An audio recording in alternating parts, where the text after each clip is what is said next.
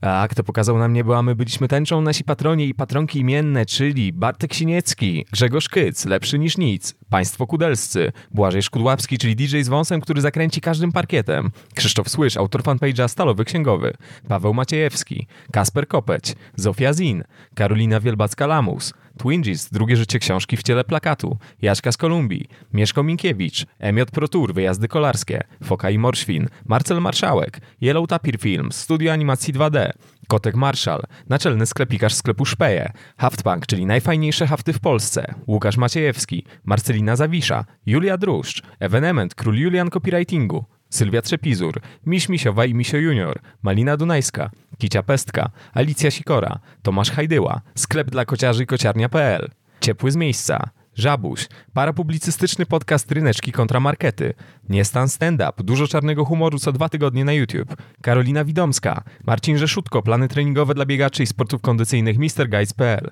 Ferdynand Goniewicz, usługi graficzne dla ludu, Sejtanik Audio, nadaj swoim nagraniom lucyferiański sznyt, Grzegorz Hatala, czyli instagramowy pan od podatków, Tata Żelaznego, biznesowo-księgowa platforma dla twórców internetowych e-twórca, Finman Records, wydawca nowej epki zespołów Czasy, Piotr Gierzewski z palarni Heresy, kawki specialty bez bufonady, Bułczaki, czyli Karolina Matylewska i Marcin Żerko, kubki mamsam.pl, artrage.pl, kameralna księgarnia z e-bookami, Petriac, Daby, Szumy, Ciągi, Piotr Kowalewski, Adam Kijora, Kuba Szymkowiak, Kot Figaro z przychodni weterynaryjnej Figaro w Krakowie.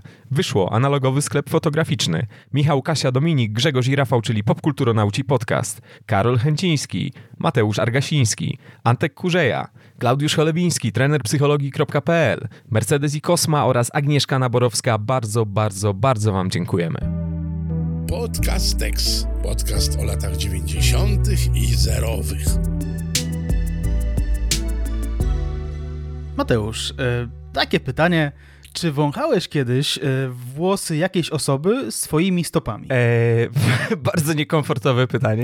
Nie wiem, nie No wiem, czy wiem. chcę o tym mówić. To znaczy, były, wiesz co, kiedyś były inne wiosny w ogóle. Kiedyś były inne wiosny, były te dni skąpane rosą. Ja rzeczywiście chodziłem tam boso, bo w nich, w tych dniach skąpanych rosą, Mhm. byłem w stanie odnaleźć mm, zapach jej włosów, ale straciłem tę umiejętność przez lata, wiesz? I to jest właśnie to, że, że dziecko ma jako, inną, inną percepcję, nie? Że to zamieszanie, jakieś takie pomieszanie zmysłów, synestezja.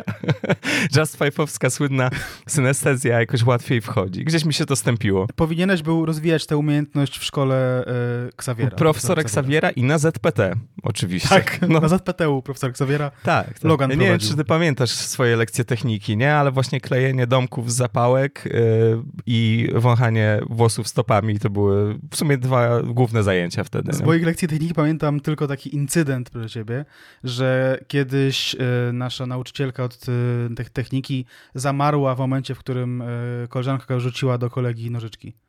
Tak w sensie rzuciła jak... No, no, no, to, to nie jest dobre. Wiesz, że tak się kręciły w powietrzu wokół własnej osi. To nie jest dobry pomysł, tylko To nie jest niestety przysposobienie obronne wchodzi później, dlatego Tak. jeszcze nie mamy tych skilli, wiesz, jeszcze nie wiemy. Tak przy okazji, na marginesie, wydaje mi się, że jeżeli są z nami nowe osoby, a zawsze bardzo na to liczymy, że nowi słuchacze, nowe słuchaczki dochodzą, to prawdopodobnie czują się teraz bardzo zniechęceni. po tym odcinku nie będzie jakiegoś wielkiego przypływu, także robimy to dla stałych słuchaczy i słuchaczek. To dla słuchaczy jest. No tak, słuchajcie, bo takie dosyć trudne tematy na początek, a dzisiaj jednak temat raczej przyjemny, mam wrażenie, raczej, raczej miękki, chociaż pewne komplikacje się mm, e, pojawią, bo pogadamy sobie o zespole Just Five, o członkach zespołu Just Five, o Spiritus Movens zespołu Just Five, czyli o Sławomirze Sokołowskim, czyli lądujemy w drugiej połowie lat 90. Dobrze, bo w sumie tych 90sów aż tak dużo u nas nie ma przez ostatnie miesiące, więc dobrze, wracamy do takich turbo 90sowych wątków. Mamy drugą połowę lat 90., no i mamy absolutne szaleństwo związane z boys bandami i girls bandami, co się będzie e, rozwijać. I tu przy okazji, no właśnie, bo jednak w tym piśmiennictwie anglojęzycznym pisze się zwykle o boy bandach, girl bandach, a my tutaj sobie dorzuciliśmy, więc zostaniemy przy tej e, opcji, bo ona jest dla nas bardziej naturalna. Sam 96 to jest debiut Spice Girls, czyli Spice z Wannabe na singlu. To jest też debiut Backstreetów popularnych. To jest ważniejszy kontekst w przypadku Just Five oczywiście, to jest płyta zatytułowana Backstreet Boys z Get Down, Quit Playing Games With My Heart. No i duża rzecz i również duża rzecz u nas, bo to, że na mitycznym zachodzie to jasne, ale przecież u nas Backstreetci zrobili platynę pojedynczą tą płytą, a, a Spice Girls zrobiły platynę podwójną i zresztą to nie są pierwsze boys bandy, akurat boys bandy, girls bandy, ale będę się tutaj chłopaków trzymał, które u nas zrobiły karierę. Przeglądaliśmy popcorny, czytaliśmy listy z popcornu w jednym z, ze starych odcinków, no i no, New Kids on the Block byli wtedy bardzo mocno grani, potem popularni zrobili się Take That, brytyjscy East Seventeen, e, irlandzkie Boyzone, więc była tutaj pewna podbudowa, pewien fundament.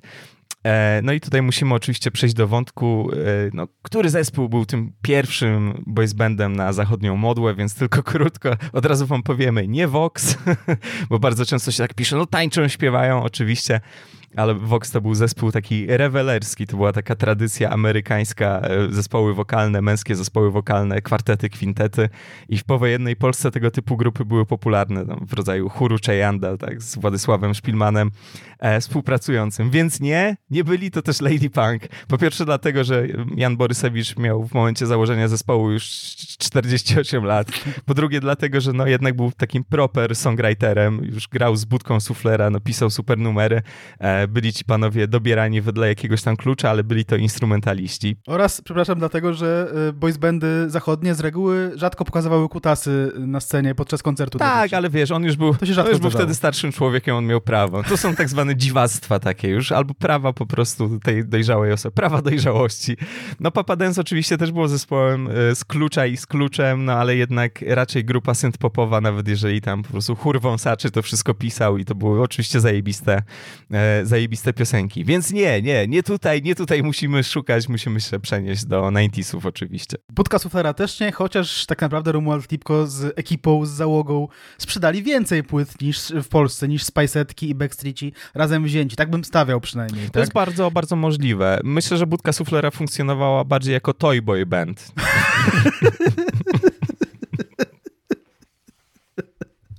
Hogband, dobra. E, słuchaj, no tak, tak, no. Jeśli mówimy o polskich, e, o polskich e, boys bandach, tutaj wykonałeś badania pod tym kątem. Nie wiem, czy terenowe, czy nie terenowe, ale, ale zdarzyło ci się o tym pisać na twoim, będę ci to wypominał, martwym fanpage'u Popland. Trochę bardziej martwym niż mój fanpage i Szrany Kute, ale, ale bo jednak podcastex, Bo podcastex, no. Bo podcastex, to prawda, to prawda. Więc, więc tak, no znalazłeś takie zjawisko, które nazywało się Break Express, Express bez N na początku, Express, mm. Który w Brawo z przełomu października i listopada roku 96 był określany jako pierwszy polski boys band. E, boyband właśnie, bez no, S. Jeszcze, pierwszy jeszcze boyband, tak. Mm -hmm. tak. Tak, tak, tak. Jeszcze, jeszcze nie było Uzusu, prawda? E, no i tak, no i w jego skład wchodziły no, dwie osoby, więc to jest już średnio efektowne, jeśli chodzi o, e, o, o zjawisko boys bandów. Tymi osobami byli Krzysztof Break Szradowski oraz Maciek Mike Summer Jachowski. E, chłopcy w wieku takim powiedzmy maturalno-studenckim. E, I Break i Mike e, coś tam nagrywali, ale nie osiągnęli specjalnego sukcesu. Potem obaj zajęli się różnie rozumianą sztuką i popkulturą. Obaj trafili do paru seriali. Jeden z nich gra jakiegoś po prostu krzyżaka, grał w Koronie Królów, tak? Mhm. Drugi grał w Klanie, więc, więc dzieją się rzeczy. Jeden związany jest z teatrem, drugi, drugi śpiewa, no ale ta ich wspólna przygoda muzyczna niespecjalnie, e, niespecjalnie wyszła. E, też dlatego, że prawdopodobnie oni nie byli tak fajnie sformatowani po amerykańsku, jak powinni być. Znaczy, jak się ogląda ich, e, ich zdjęcia, to z jednej strony tam jest trochę jakiegoś takiego klimatu typu katalog mody firmy Big Star, nie? Z połowy lat 90., a z drugiej strony no trochę taki, nie wiem, no, niemiecka muzyka densowa z lat 80., w sensie jakieś kamizelki, koszule, nie? Znaczy, to nie jest tak, że boys bandy nie miały nic wspólnego z koszulami nigdy, ale tutaj były jakieś takie białe koszule zapięte pod szyję. To nie jest dokładnie do końca to, czego moim zdaniem potrzebowały polskie nastolatki, jako że po prostu byłem wówczas polską nastolatką, Mateusz, i, i po prostu ja wiem najlepiej, czego potrzebowały dziewczęta Tak, wówczas. wiadomo, z samych, samych filmów wiesz jak było,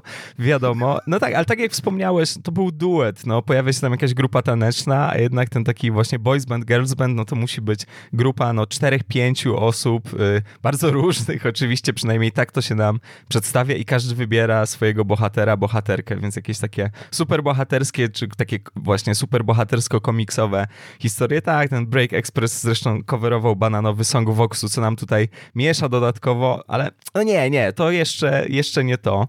Jest bardzo taki skomplikowany wątek, który kiedyś próbowałem sprawdzić. On się wiąże z Andrzejem Kosmalą, czyli z wieloletnim menadżerem Krzysztofa Krawczyka i też z kompozytorem piosenki Lewandowski Gold dla Polski. Nie? Tutaj jeśli mm -hmm. chodzi o najważniejszy wkład w polską popkulturę, zmuszenie krawca... Polską kulturę w Polską kulturę wysoką, zmuszenie krawca do zaśpiewania tej potwornej piosenki, ale tak to właśnie było.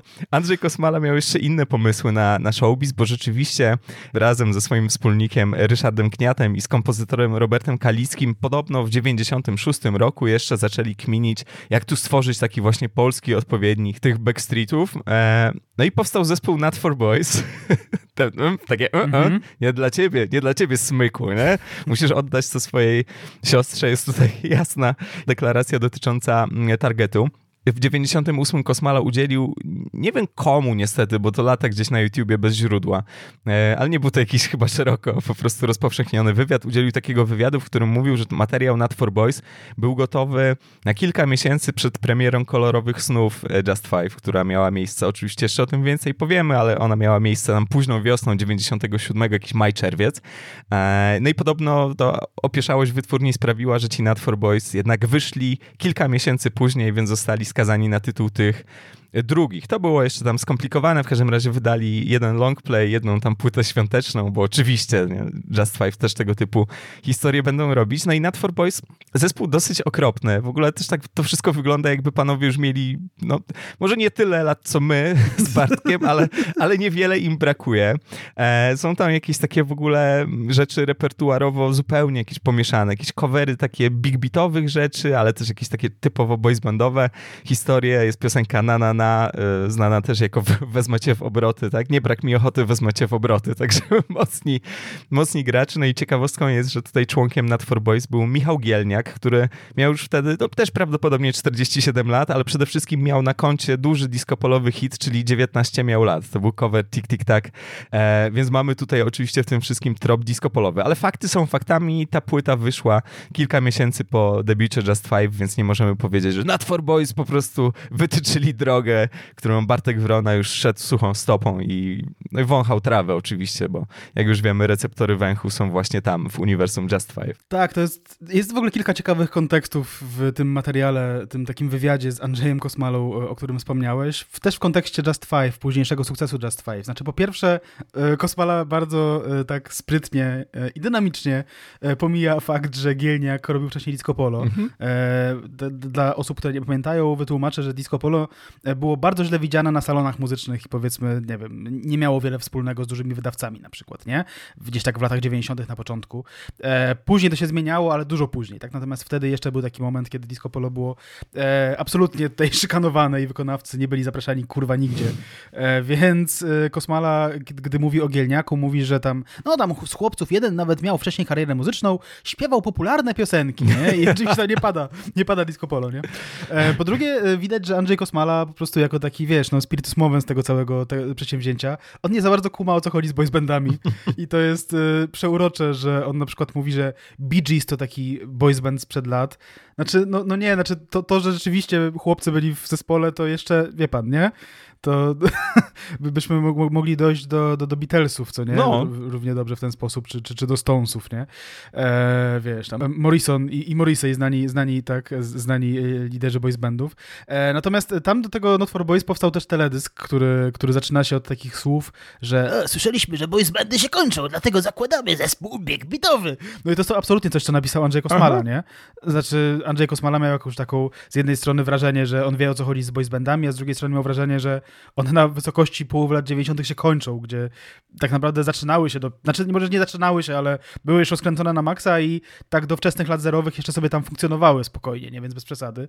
E, no i tam Kosmala pisze w opisie do, tego wywiadu, on sam wrzucił ten wywiad na YouTube'a, że byłem bardzo przekonany do tego niechybnego sukcesu, o ludzka naiwności, e, a przecież byli nieźli. To ja wymyśliłem i wyreżyserowałem teledysk w stylu boys bandu z lat 60., czyli The Beatles. No właśnie, tutaj docieramy do tego, że jednak Beatlesi to był boys band. No i ciekawe jest to, że te twierdzenia Kosmali tutaj e, puentuje e, użytkowniczka e, YouTube'a Calineczka91. Zakładam, że 91 to jest po prostu rok urodzenia. E, no bo ona pisze Albo- tak, że dorastałam... Albo wzrost, bo to calineczka. Albo wzrost, tak, albo, albo po prostu wiek, co nie?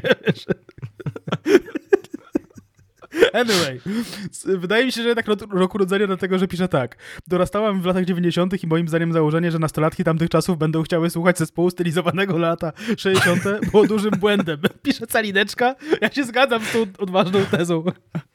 I dalej pisze tak. Chyba, że Not for Boys był targetowany na starszych słuchaczy, którzy z kolei dojrzewali przy muzyce Krzysztofa Krawczyka, ale młodzi wokaliści sugerują raczej skierowanie ku młodzieży. Pamiętam, że z perspektywy mojej i moich koleżanek z dzieciństwa Just Five był powiewem świeżości, zachodniego luzu, który czułyśmy przy boys bandach pokroju Backstreet Boys. Jako młodzież potrzebowaliśmy wtedy nowości, a nie powrotu do starych schematów. Według mnie nawet gdyby Not for Boys został wypromowany przed Just Five, nadal nie zrobiłby furory, bo brzmiałby po prostu mdło i trącił myszką. Just Five odpowiedział na ówczesną e, potrzebę młodych ludzi. Łachnęliśmy nowoczesnego zachodu w muzyce pop i go dostaliśmy. No tak, no to prawdopodobnie rzeczywiście to taka e, teza, może nie powiedziana wprost, ale jednak gdzieś tam sugerowana, podrzucana czytelnikom, słuchaczom, że ten Kosmala, kurde, no gdyby się wyrobił tam pół roku wcześniej, gdyby się wyrobiło to wydawnictwo, to by było super i byśmy mieli tam, gdzie Bartek Wrona. Chyba, Chyba nie, chyba nie. nie. Zabawne jest to, że ten beef będzie krótko, bo krótko, ale, ale trwał jeszcze. Do tego naturalnie dojdziemy. Ale widzisz, bo Not for Boys w sumie zakładamy z automatu, że a, to dla dziewczyn, tak? Dla, dla dziewczyn, dla nastolatek. Może nie. Może chodziło po prostu o zespół dla starych dziadów. Może Kosmala miał jakiś bardzo dziwny koncept związany. Nie dowiemy się już tego, ale jest to Pierwsza zabawne. nazwa Just Five to było Not for Andrzej Kosmala. Tak, tak, a to pieniądze w tym przypadku. Pieniądze z Not for Boys były Not for Andrzej Kosmala, ewidentnie. No nie były dla nikogo prawdopodobnie, z tego co, co wiadomo. No tak, koncept Andrzeja Kosmali był przestrzelony, co innego z konceptem Sławomira Sokołowskiego. To dwa słowa na temat tej postaci, bo Sławomir Sokołowski, czyli ten twórca, menadżer, producent, główny kompozytor e, w przypadku Just Five, no to była już osoba, no, która no, miała za sobą doświadczenia w branży. To jest oczywiście lider zespołu Bolter, więc wielki hit lat 80. e, Daj mi tę noc. Nagroda na festiwalu w Opolu w 85. Tak, też piosenki dla Krawczyka. Ostatni raz zatańczysz ze mną, czyli zatańczysz ze mną jeszcze raz. Co oni kurwa zrobili z tym tytułem? No to jest, no masz gotowy szlagwort, nie? No wszystkim to siedzi. To jest chwytliwy, Tak chwytliwy było, numer. nie? że jakiś tytuł z dupy się wybierało do jakichś Tak. takich, że masz już ten refren, już to zrób to w tytule. Nie, nie, wykombinuję coś. I potem się dziwią, że za X-y nie spływają, nie? Że co to jest? Przecież to wszędzie jest grane cały czas. W radiu pogoda non stop to leci. No, to jest dziwne. To jest dziwne. W każdym razie, no, Daj mi tę noc to była jedna z tych piosenek, oczywiście, które tam wszyscy znali, no, część uwielbiała, ale też y, jacyś tam dziennikarze muzyczni, no, raczej tego nie pochwalali. Podobnie było z Papa Dance mniej więcej, tak? To jakieś takie zorientowane y, rockowo dziennikarstwo traktowało to jako tam tandetę, eskapizm, gdzie jest zaangażowanie, jesteśmy po wielkim rockowym boomie i tak dalej, więc raczej tam propsy na antenie magazynu Panorama. No więc wiedział, co to jest odium ze strony tam dziennikarzy, krytyków, inteligencji. W latach 90. przeskoczył sobie do disco polo, co w tym przypadku e, no nie dziwi w żaden sposób, bo też, żeby nie było, tak jak propsujemy wiele utworów Papa Dance tam z poniżej krytyki, no to w przypadku Daj mi ten nos to jest jednak potupaja. No bardzo chwytliwa, jest to wielki hit, ale nie jest to tak jakieś, wiesz, wielkie tam synth-popowe pisanie, nie? Żeby, żeby nie było, więc sobie przeskoczył do e, disco polo. W połowie lat 90. zaczął działać zespołem Amadeo, tak? Zespół Amadeo, który sobie radził. Ja pamiętam ten zespół e, dosyć dobrze. Pamiętam piosenkę Letni Wiatr, pamiętam piosenkę J23, ale to nie była taka absolutna wierchuszka disco polowa, nie? To nie był e, poziom popularnościowy Boysów, Bayerful, czy tam e, innego Milano, czy, czy Akcentu, ale wpadło złoto, wpadła platyna. Mam wrażenie, że wtedy czego by nie wypuścił Green Star, Blue Star, czy Omega, to i tak się sprzedawało w nakładzie tam 300 tysięcy milionów egzemplarzy, nie? Powiem tylko tyle, że jeśli y, wśród naszych słuchaczy, słuchaczek jest ktoś, kto lubi niemiecki femdom, to polecam teledysk do J23. Tak, to, to, są, to są te nastroje, które się w ogóle imidżowo, bo tutaj też dodajmy, że Amadeo to był zespół, e, w którym występowała, śpiewała Aldona Dąbrowska, czyli pseudonim Dona, która będzie potem e, jedną z tekściarek e, Just Five. No i nie tylko Just Five, bo sporo tych tekstów natrzaska o tym jeszcze wspomnimy i te klimaty takie właśnie błękitna ostryga, skóry i tak dalej tam są grane, grane bardzo mocno, ale tutaj pomijam ten letni wiatr, ale zwróćmy uwagę na okładkę płyty Pszczółka Maja. Nie? Pszczółka Maja, debiutancki album Amadeo. W ogóle ile zespołów disco polowych miało piosenkę Pszczółka Maja w różnych wariantach, czy to covery Wodeckiego, czy to oczywiście Pszczółka Maja sobie lata, to można by pewnie książkę strzelić, ale patrzymy na okładkę i na książeczkę tej debiutanckiej płyty Amadeo. Jest ta Dona tutaj w centrum, w skórzanej kurtce, takiej trochę giełdziarskiej i po jej dwóch stronach mężczyzna z profilu, ten sam mężczyzna, który świetne zdjęcie, po prostu drze Japem, ma tutaj taki mikroport, ma okulary, jest to dosyć mocne. Jeszcze książeczka, tutaj Dona i tenże sam mężczyzna, taki cybernetyczny wokalista, bo ten mikroport jest jakiś taki bardzo, wiesz, uniwersalny, e, uniwersalny żołnierz. I tutaj wprawdę oko tam słuchacza pewnie wychwyci, że ten człowiek to Chyba Grzegorz Kopala z Just Five. Chyba tak, chociaż jest w kredytach podpisany jako Grzegorz Dziki. E, jako Grzegorz Dziki. Sokołowski też miał e, różne aliasy, na przykład Alan Palmer albo Kumpel Makumba, także tutaj po prostu aliasy były grane. Jest to, jest to właśnie to. No i Sokołowski wiedział oczywiście, jak monetyzować. Będzie to pokazywał jeszcze później i faktycznie wpadł na to, żeby stworzyć, niezależnie od Andrzeja Kosmali, żeby stworzyć ten polski odpowiednik tych zespołów z zachodu w rodzaju Take That albo no Backstreet Boys przede wszystkim. Tak, w, w kwestii jeszcze tej pszczółki Maj, rzeczywiście to, to, to jest zadziwiające, jak bardzo diskopolowcy sobie upodobali pszczółkę Maję jako, jako w ogóle temat, nie? E, bo, bo to się rzeczywiście jakoś nam przewijało. To jest jeden z najdziwniejszych skutków jakiejś takiej kulturalnej współpracy polsko-japońskiej, moim zdaniem, nie? Mm. Jakaś taka myśl polsko-japońska się spotkała i wyskoczyło to. To i Krzysztof Gonciarz, nie? Więc, więc tak. no, dziwne rzeczy ogólnie wyskoczyły. Tak. Anyway, e, no tak, no to może przejdźmy do powstania e, Just Five. No ogłoszono, e, ogłoszono casting i, i szukano chłopców, którzy mieliby mm, zostać gwiazdami i bożyszczami nastolatek. Spoiler, udało się, ale nie było łatwo. Tam były jakieś takie relacje z tego castingu, że przyszło 600 chłopaków. To jest jak tak pomyślałem sobie dużo i niedużo, nie? Znaczy chcesz zrobić coś, co osiągnie sukces w 40-milionowym kraju, więc, więc rzeczywiście zapraszasz sporo osób, znaczy zjeżdża się sporo osób, pewnie część z jakimś tam doświadczeniem taneczno-wokalnym, ale jednak 600 osób, no to jest, nie wiem, no to da się przesłuchać w 3-4 dni, to jest dość jednak e, z jednej strony efektowny, ale jednak zarazem skromny casting, jak na tego rodzaju e, inicjatywę, nie? Jak na tego rodzaju projekt. Ale tylko, wiesz co, musisz ich przesłuchać i przeoglądać, nie? No bo chodziło oczywiście o skille wokalne, o, o wygląd, ale też o umiejętności taneczne. No. Myślisz, że było tak na przykład, że wiesz, mieli tam y, teczkę ze zdjęciami i od razu po prostu odrzucili 350, bo, bo, bo wiadomo? tak, tak, z, zdjęcia w slipach, e, e, no, nie, no, nie, nie. Andrzej Kosmala tam był, też próbował brać udział. Jeszcze próbował wcisnąć krawca jako dobry menadżer, nie? Że może, ale on świetnie śpiewa. Wysłali to wspólne zdjęcie z basenu tam, nie? Żeby... tak, tak, tak, z Gadomskim. Piękne zdjęcie. O co chodzi? Boys band, no jesteśmy chłopakami. No to jest, to jest trio, fajne, jak BGs, jak BGsi, jak BGsi, no. tak, tak, tak. No i tak, no i e, zrobiono ten casting e, i, i, i Sokołowski e, zrobił jakiś taki porządny research, jeśli chodzi o działalność e, zachodnich boys bandów i, i stworzył materiał, znaczy właściwie no tak przekalkował materiał, tak? To można powiedzieć, takie, takie dzieci czasami były w szkole, które brały jakiś taki papier prześwitujący i przerysowywały Batmana z komiksu. E, patrz jak ładnie narysowałem. Nie narysowałeś. Nie, to jest Czyli to, to był Norm Brayfogle, to nie jest twój Batman, mhm. nie? No i tutaj było trochę podobnie. Sławek, to nie są, to nie są e, twoje piosenki. Wydaje się, że one są połowicznie twoje. W najlepszym wypadku, ale nie chcę powiedzieć dalej, żeby tutaj nie było e, materiału pod pozew. E, no i tak, no tekstami e, zajedzi się Aldona, wspomniana Dona Dąbrowska e, oraz Karol Kus, e, muzyk, który, znaczy oboje współpracowali z Sokołowskim. Kus pr pracował z Sokołowskim przy projekcie Urban, nie wiem, Urban, Urban, czy jak Jerzy Urban, nie mam pojęcia. W każdym razie e, Urban e, jest to, nie był to projekt związany jakkolwiek z tygodnikiem nie, ani z e, po prostu z czerwonymi pająkami, chociaż nie wiadomo w sumie nie, ale był to projekt związany, prawda, z Bronxem i Brooklynem, czyli co? Czyli po prostu był to rap. Ale taki rap, właśnie nie wiem, no, ty powiedziałeś, że to jest komercyjny rap w naszej wcześniejszej rozmowie, a ja bym powiedział, że to jest taki, kurczę, nie wiem, no tam trochę takiego, takiego ulicznictwa jest, no bo jeśli jeśli do, doszliśmy później do hip-hopolo, gdzie po prostu było tylko i wyłącznie kupowanie, wiadomo, że były słuczki, tak, ale było też kupowanie kwiatów i tam wyskakiwanie z krzaków, co nie? Tak tutaj jest jednak, są teksty typu, że tam, e, że gościu jest tam strasznym wirażką i cytuję, kiedyś wolną miłość można było uprawiać, spokojnie się zabawiać, teraz trzeba uważać, dużo więcej strachu, upierdoli cię hif, no i lecisz do piachu. Jestem gość kumaty, no i wymyśliłem w wannie, że chyba zostanę przy jednej pannie.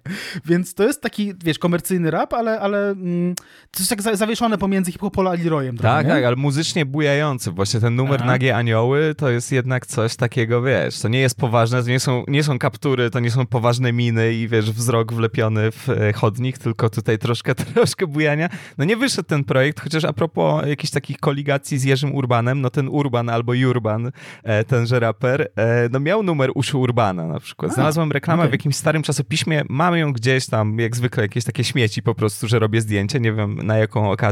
To był Urban Exploring po tak, prostu. Tak, tak, tak. I tam jest nawiązanie też dosyć mocne do, do, do Fizis Jerzego Urbana, ale nie, prawdopodobnie to nie był projekt Jerzego Urbana, to, to nie była Anastazja P. muzyki, muzyki rapowej, no. Ale możemy być pewni, że gdzieś tam e, przy tym projekcie grzebali fani kolejnictwa, dlatego, że są lokomotywy w teledysku do Nagich Aniołów. Ja pomyślałem, że może chodzi po prostu o pociąg, że do, pociąg do, do dziewczyny, tak? Bo to, o to chodzi w tym, tej piosence, więc może takie połączenie. Nie mam pojęcia, kurczę, jakoś tak. Tak, no tramwaj zwany pożądaniem. No on tutaj sobie pogrywa z nami dosyć mocno, ale wracając właśnie do tego Kusa, który tam współpracował jako kompozytor, no jeśli wierzyć tutaj Discogsowi, którym się musimy przy tematach muzycznych mocno wspierać, no to on tak naprawdę z tekściarstwem swoją przygodę zaczął e, przy okazji Just Five, więc to jest jednak mocna rzecz. To tak jak, jeżeli to nie jest pseudonim, jak z tą osobą, która napisała tekst do powiedz, nie? Że nic tam wcześniej w katalogu, zaczynasz dopiero, jeb, nie? Po prostu trafiasz na na, żyłę złota, no bo te, te zaiksiki autorskie tutaj lecą, także no fajna sprawa. No i tak, no i e, z tegoż castingu, o którym mówiliśmy wcześniej, e, wybrano finalną e, piątkę, chociaż prawdopodobnie była to czwórka, dlatego że istnieje duże prawdopodobieństwo, że od początku zamysł był taki, że wśród pięciu chłopaków z Just Five ma się znaleźć Grzegorz Kopala, Grzegorz Kopala, który wówczas miał lat 78, mhm. no ale, znaczy nie, nie miał 78, miał 25, ale to już i tak jest trochę zbyt dużo jak na, jak na boys band, przynajmniej boys band w takim rozumieniu właśnie tam e, Backstreet Boysowym, nie? Mm, e, I ten, ten wiek Kopali będzie gdzieś tam wracał w piśmiennictwie dotyczącym Just Five w jakiś sposób. Grzegorz Kopala współpracował wcześniej z Sokołowskim i, i z zespołem mm, e, Amadeo. Dlaczego tak się Sokołowski uparł, że, żeby Kopala tam się znalazł? No dlatego, że Kopala po prostu potrafił grać na rzeczach, tak? Tam była jakaś mowa o tym, że jak był mały dostał akordeon, wielka tragedia dla dziecka, e, z tego akordeonu się przeniósł na coś innego, a później była Dla wszystkich, nie? nie? Tak naprawdę tragedia. Tak, dla wszystkich, tak, dla, mm -hmm. całego, dla całego miasta w takim momencie, bo, bo, bo, bo jakby wiadomo, wszyscy, wszyscy to słyszą i nikt nie reaguje, nie? Zawsze tak jest z akordeonem, nie? Że, że wszyscy wiedzieli, ale nikt jakoś nie, nie zadzwonił na policję. Wiesz, nie zdążysz się obrócić, a dziecko już o 6 rano zapierdala bal na gnojnej pod oknem, nie? tak, tak. No. tak, ale Kopala rzeczywiście był instrumentalistą już otrzaskanym, ale też dobrym wokalistą i bardzo często mówiło się o tym, że to najlepszy wokalista w zespole Just Five. No jak wyglądał sam casting? No znaleźliśmy taki wywiad z Danielem Moszczyńskim, czyli w tamtych czasach po prostu z Danielem z Just Five. To jest taki uśmiechnięty, taki może lekko pucułowaty chłopak z Just Five, który miał potem takie kolce szalone e, z włosów i on wspominał ten casting w wywiadzie dla Onet Muzyka z 2015 roku następująco. Casting był dość żmudny.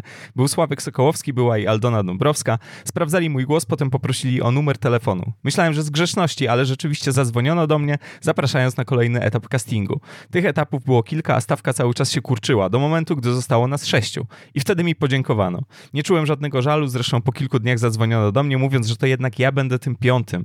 Ucieszyłem się. Też bym się mm, ucieszył, no ale tak, tak, no było tam pewnie jakieś zamieszanie castingowe, ale w, w, chyba możemy śmiało założyć, że tutaj e, Grzegorz Kopala, jako człowiek, nie chcę być złośliwy, ale dysponujący wtedy innymi po prostu warunkami niż reszta chłopaków, no i też mający już po prostu, już wiesz, e, nieważna legitymacja szkolna w tym momencie, jeśli chodzi o Grzegorza Kopale, czego nie mm -hmm. można powiedzieć o, o reszcie chłopaków i ta e, finalna czy finałowa piątka się nam wykrystalizowała No i jest to wszystko zrobione tak, jak powinno być w tamtym czasie, czyli mamy Bartka Wronę, który jest taki troszkę zawadiacki, filuterny, no i jest tutaj e, mocno promowany jako taki frontman grupy, jako taka twarz grupy. Jest ten Grzegorz Kopala, który, no jak patrzymy sobie tutaj na stare zdjęcia Just Five, no to wygląda jak jakiś taki opiekun wycieczki, czy jakiś taki drużynowy z tymi chłopakami, nie? że on zaraz wyjmie gitarę, ma, pogadamy, jak coś, jak złapie nas na papierosie, to jakoś to będzie.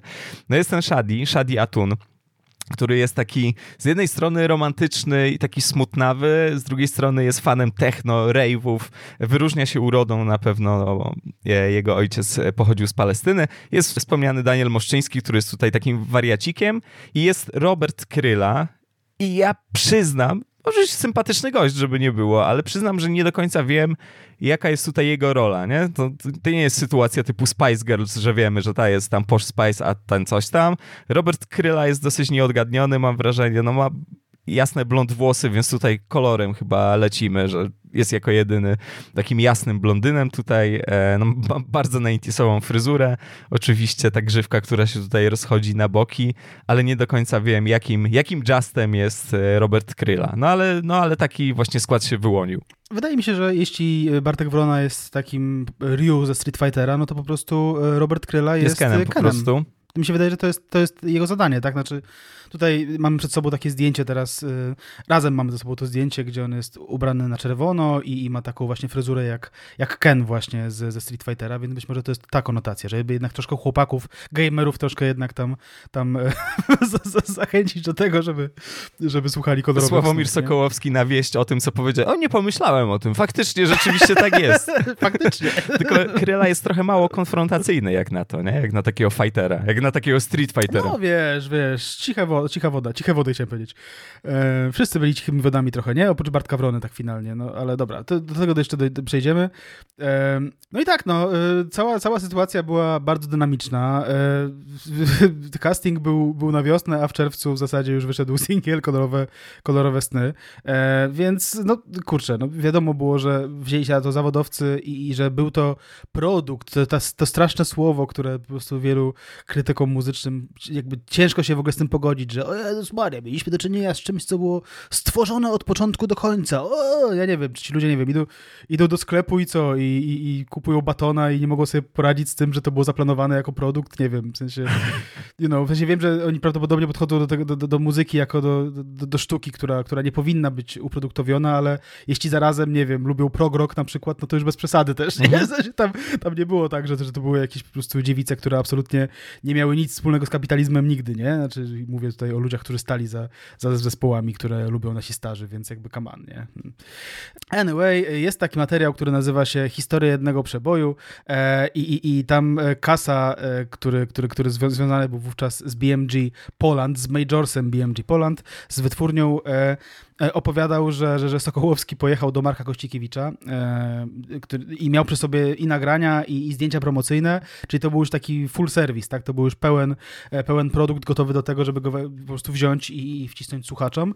E, no i Kościkiewicz e, był, e, był sceptyczny, na co Sokołowski odpalił, że a, w takim razie to jadę do Pomatonu, nie? I Kościkiewicz, który z początku no, stwierdzi, miał stwierdzić, że a, my nie wydajemy takich rzeczy, potem jednak zadzwonił szybko do Sokołowskiego i powiedział, że sobie, żeby zawracał, co nie, no bo, no bo e, nawet jeśli takie rzeczy nie wydajemy, to nie możemy pozwolić na to, żeby, żeby mm, konkurencja e, takie rzeczy miała. No ale swoją drogą to jest ciekawa historia, dojdziemy do tego zaraz, czy ona jest prawdziwa, czy nie, ale to jest ciekawa historia o tyle, że no kurczę, szczerze powiedziawszy, e, Kościkiewicz, wiesz, który odpowiada za nowe projekty w wytwórni, tak, prawdopodobnie wtedy odpowiadał, jakby w ogóle nawet nie chcę spojrzeć na Just Five jako coś, co jest w zasadzie przepisanym Backstreet Boys, no, no nie wiem, no kurczę, jak to już macie gotowe, to weźcie to wydajcie, nie? Znaczy to nie jest coś, co trzeba włożyć dużo pieniędzy na tym etapie, wystarczy wrzucić singiel do rozgłośni i być może będzie hulało, więc nie rozumiem za bardzo tej, tej decyzji, jakoś tak, nie wiem, po, pod kątem menedżersko po prostu decyzyjnym to jest bardzo ekscentryczne. Tak, nie? to jest o tyle ciekawe, że Kasa właśnie streszczając tę historię mówi o tym, że no, że Marek był taki jakiś sceptyczny, no bo, on, bo oni tam wtedy wydawali inne rzeczy, rzeczy i tak dalej. No i faktycznie można sobie spojrzeć na katalog e, BMG Poland z tamtego czasu. No, wydawali między innymi Leroya, kurwa, ale też kasę, nie? Jakby, to mm. też nie jest tak, że to jest jakaś po prostu wytwórnia typu tam 4AD, nie? Że mamy jakiś tutaj etos po prostu i, i trzymamy, trzymamy jakiś pion. No, macie kasę, kurwa, w swoim portfolio, więc, więc nie wariujmy. Biodro Records, nie? Tak, to musi być pojebane. To, to nie, to, no, tak, no Kościkiewicz, no, to, to Majors, no oni spieniężali, więc to dosyć dziwne. Może tak było faktycznie, że on tak tylko zerknął mówi, nie, nie, tam Sławku, nie, a potem się zapoznał z tym materiałem i stwierdził, że to faktycznie polscy Backstreet Boys puścił sobie te kolorowe sny. No nie wiemy, tym bardziej, że w y, artykule Sławomira Mizarskiego z Polityki z 2003 roku pojawia się jeszcze inna geneza i ta geneza też towarzyszy bezpośredniej wypowiedzi Sławomira Sokołowskiego, więc teoretycznie może być prawdziwa, teoretycznie. Mianowicie czytamy tutaj, że wiosną 97 roku Sokołowski, producent muzyczny i kompozytor, trafił na koncert grupy Backstreet Boys w Poznaniu. Jeśli to była wiosna 97, skumaj, to kurwa to się wszystko działo w 4 dni, nie? Bo mhm. skoro mm, przy okazji tego castingu materiał już był podobno gotowy, tylko trzeba go było nagrać z tymi chłopakami, no to, to szalone.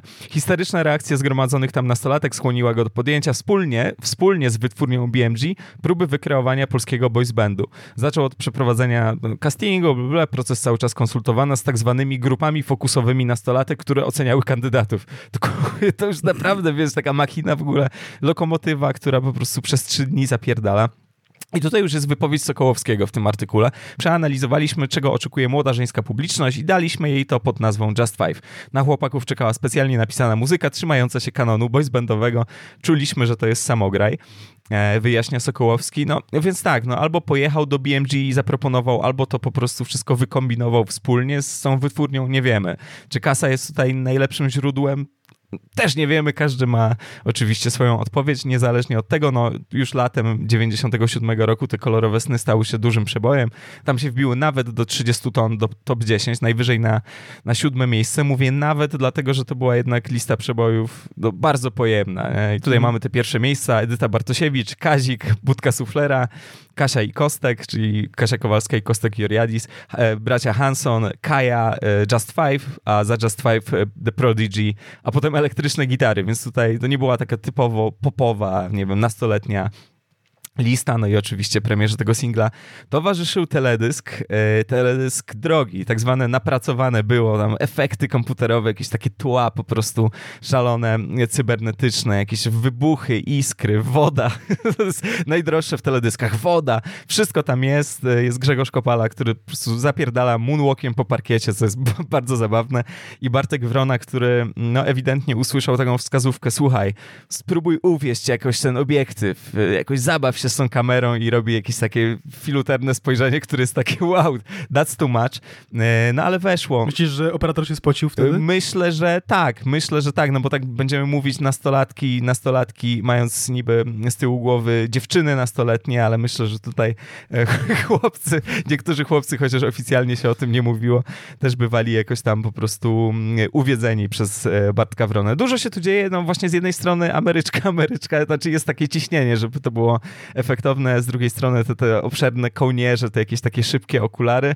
No i też to, że sposób, w jaki tutaj mm, panowie są kręceni, panowie, chłopaki, poza Grzegorzem Kopalą, przepraszam, pan Grzegorz Kopala i reszta chłopaków, no, nie wygląda to najlepiej. W sensie te układy nie wyglądają najlepiej, ale też musimy pamiętać o tym, że to wszystko się działo po prostu w 25 minut. To było też związane z nauczeniem się tych układów, tak? To jakby róbmy to najszybciej jak możemy, bo odjedzie nam pociąg, więc, więc taka rzecz troszkę na prędce, ale jednak klasyczna, nie? Kurczę, ten taki układ z takimi krokami e, przed siebie dawanymi w miejscu, on jakoś tak się na tyle mocno przyjął, że widziałem różne wariacje, powiedzmy, i składam oficjalnie tutaj obietnicę, że sam zatańczę na TikToku ten układ. Nie wiem, czy chcesz się dołączyć, czy nie, jako ten, ale ja chcę zatańczyć, dlatego że muszę powiedzieć, że w ostatnich latach sporo godzin spędziłem na tańczeniu układu do Backstreet Boys w tej takiej grze Dance coś tam na Switcha. Mm-hmm.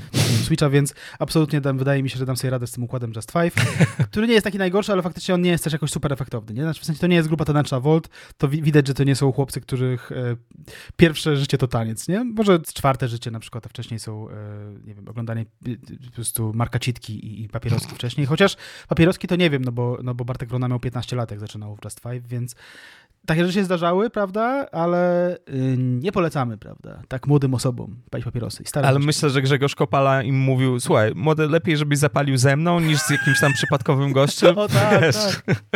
Sokołowski, Kopala, tacy, wiesz, tacy dwaj, y, wiesz, tam, e, młody, chodź tutaj. Pierwsza, pierwsza wódka, to wiesz, na spokojnie tutaj z kimś starszym, to tego typu. No nie, tam są takie ujęcia, wiesz, jak oni tańczą jakieś przypadkowe rzeczy. Już jak nie, piją wódkę z nie mówię, nie mówię, to jest to extended version.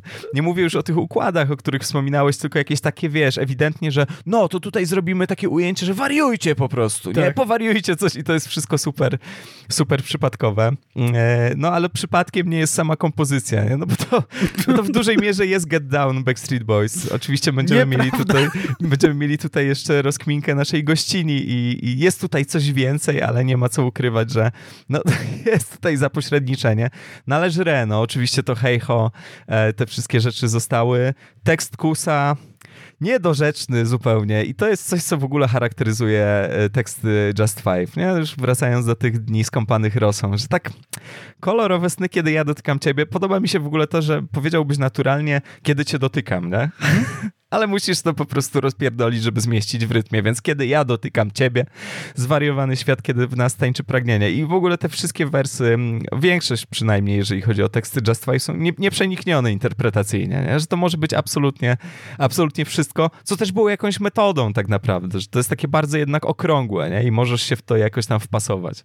Wiesz co, z tym tekstem to wydaje mi się, że Kus akurat y, tutaj mógł się nauczyć po tym poprzednim projekcie, tak, swoim, czyli, czyli po Urbanie, Urbanie, y, czy jak to tam.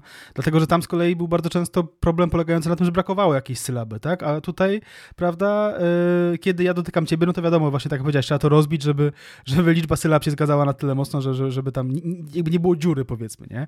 Yy, I to, to jest coś, czego polscy tekściarze, tacy młodzi lat 90., tacy często z przypadku, uczyli się. Tak samo disco się tego uczyli, tak? Że ani nie może być za dużo sylab, ani może, nie może być za mało sylab. Pamiętam, że ludzie, którzy zajmowali się reggae i ragamuffin w latach zerowych, nie potrafili tego bardzo mocno i tam na przykład ładowali e, do, do szesnastki, nie wiem, 21 sylab na przykład i trzeba było zapierdalać nie? i przyspieszać, więc to jest to. Więc ja wolę tak, jak jest tutaj, no nie? Tak szczerze mówiąc. Nie? Tak, no raperzy z kolei, wiesz, wy, y, robią jakieś wypełniacze, pezetowski taki wypełniacz w rodzaju uh, mhm. i to jest po prostu załatwiona tak. sprawa, bo to jest, to jest sylaba, tak, tak, tak. No. Słoń mówi tej, ale to jest absolutnie usprawiedliwione, bo tu mamy do czynienia z No tak, musi, musi. Pyrami. No i tak, no i co? No i zaczął się marketing wokół, wokół Just Five. E, casting się zaczął, prawda, zespół się zaczął i marketing się zaczął i marketing dotyczył e, przede wszystkim pism dla młodzieży, które były potężnym, powiedzmy, takim hubem informacyjnym, jeśli chodzi o to, co dzieje się, co tam w trawie piszczy, jeśli chodzi o tam zespoły. No nie udało się, prawda, tutaj e, zrobić popularki zespołom typu Break Express, ale udało się z Just Five i, i faktycznie można odnieść wrażenie, że, że, że. Znaczy, w ogóle tak było w przypadku tych e, pism typu Bravo, czy Popcorn, czy Bravo Girl, e, etc., że jak oni dostawali jakiegoś zajoba na punkcie jakiegoś zjawiska, jakiegoś zespołu, jakiegoś projektu, to o ja pierdolę, w każdym numerze było coś, nie? Nawet, żeby to była krótka notka albo coś, ale e, projekty typu Just Five były niezwykle atrakcyjne i elastyczne z punktu widzenia redaktorskiego, co nie? No bo masz do czynienia z młodymi, ładnymi chłopcami, których można ubrać jakoś tam. E, możesz tutaj zwracać uwagę na to, że przyszła nowa płyta, że jest nowy teledysk, że jest coś tam, że jest koncert tu i tam. E, możesz przeprowadzić z nimi wywiad i możesz robić z nich w ogóle takich amantów. E, więc tutaj było mnóstwo możliwości i oczywiście e, Popcorn Popcorn z tego korzystał. No i jest taka, e, jest taki tekst, który, który wynalazłeś w Popcornie z czerwca e, roku 97 i w tymże tekście um, mamy do czynienia z takim przedstawieniem e, wszystkich chłopaków, i oni są w jakichś takich atrakcyjnych pozach i jednocześnie są ubrani tak, jak był ubrany ktoś, kto miał dostał właśnie wypłatę w latach 90. i całą wydał na ciuchy i poszedł do klubu. Nie? W sensie, że z jednej strony mamy tutaj troszkę ortalionu, mamy dużo koszul, tak? Ale nie takich koszul grunge'owych, kraciastych, tylko jednokolorowych. W ogóle tam One Color wtedy był chyba popularny.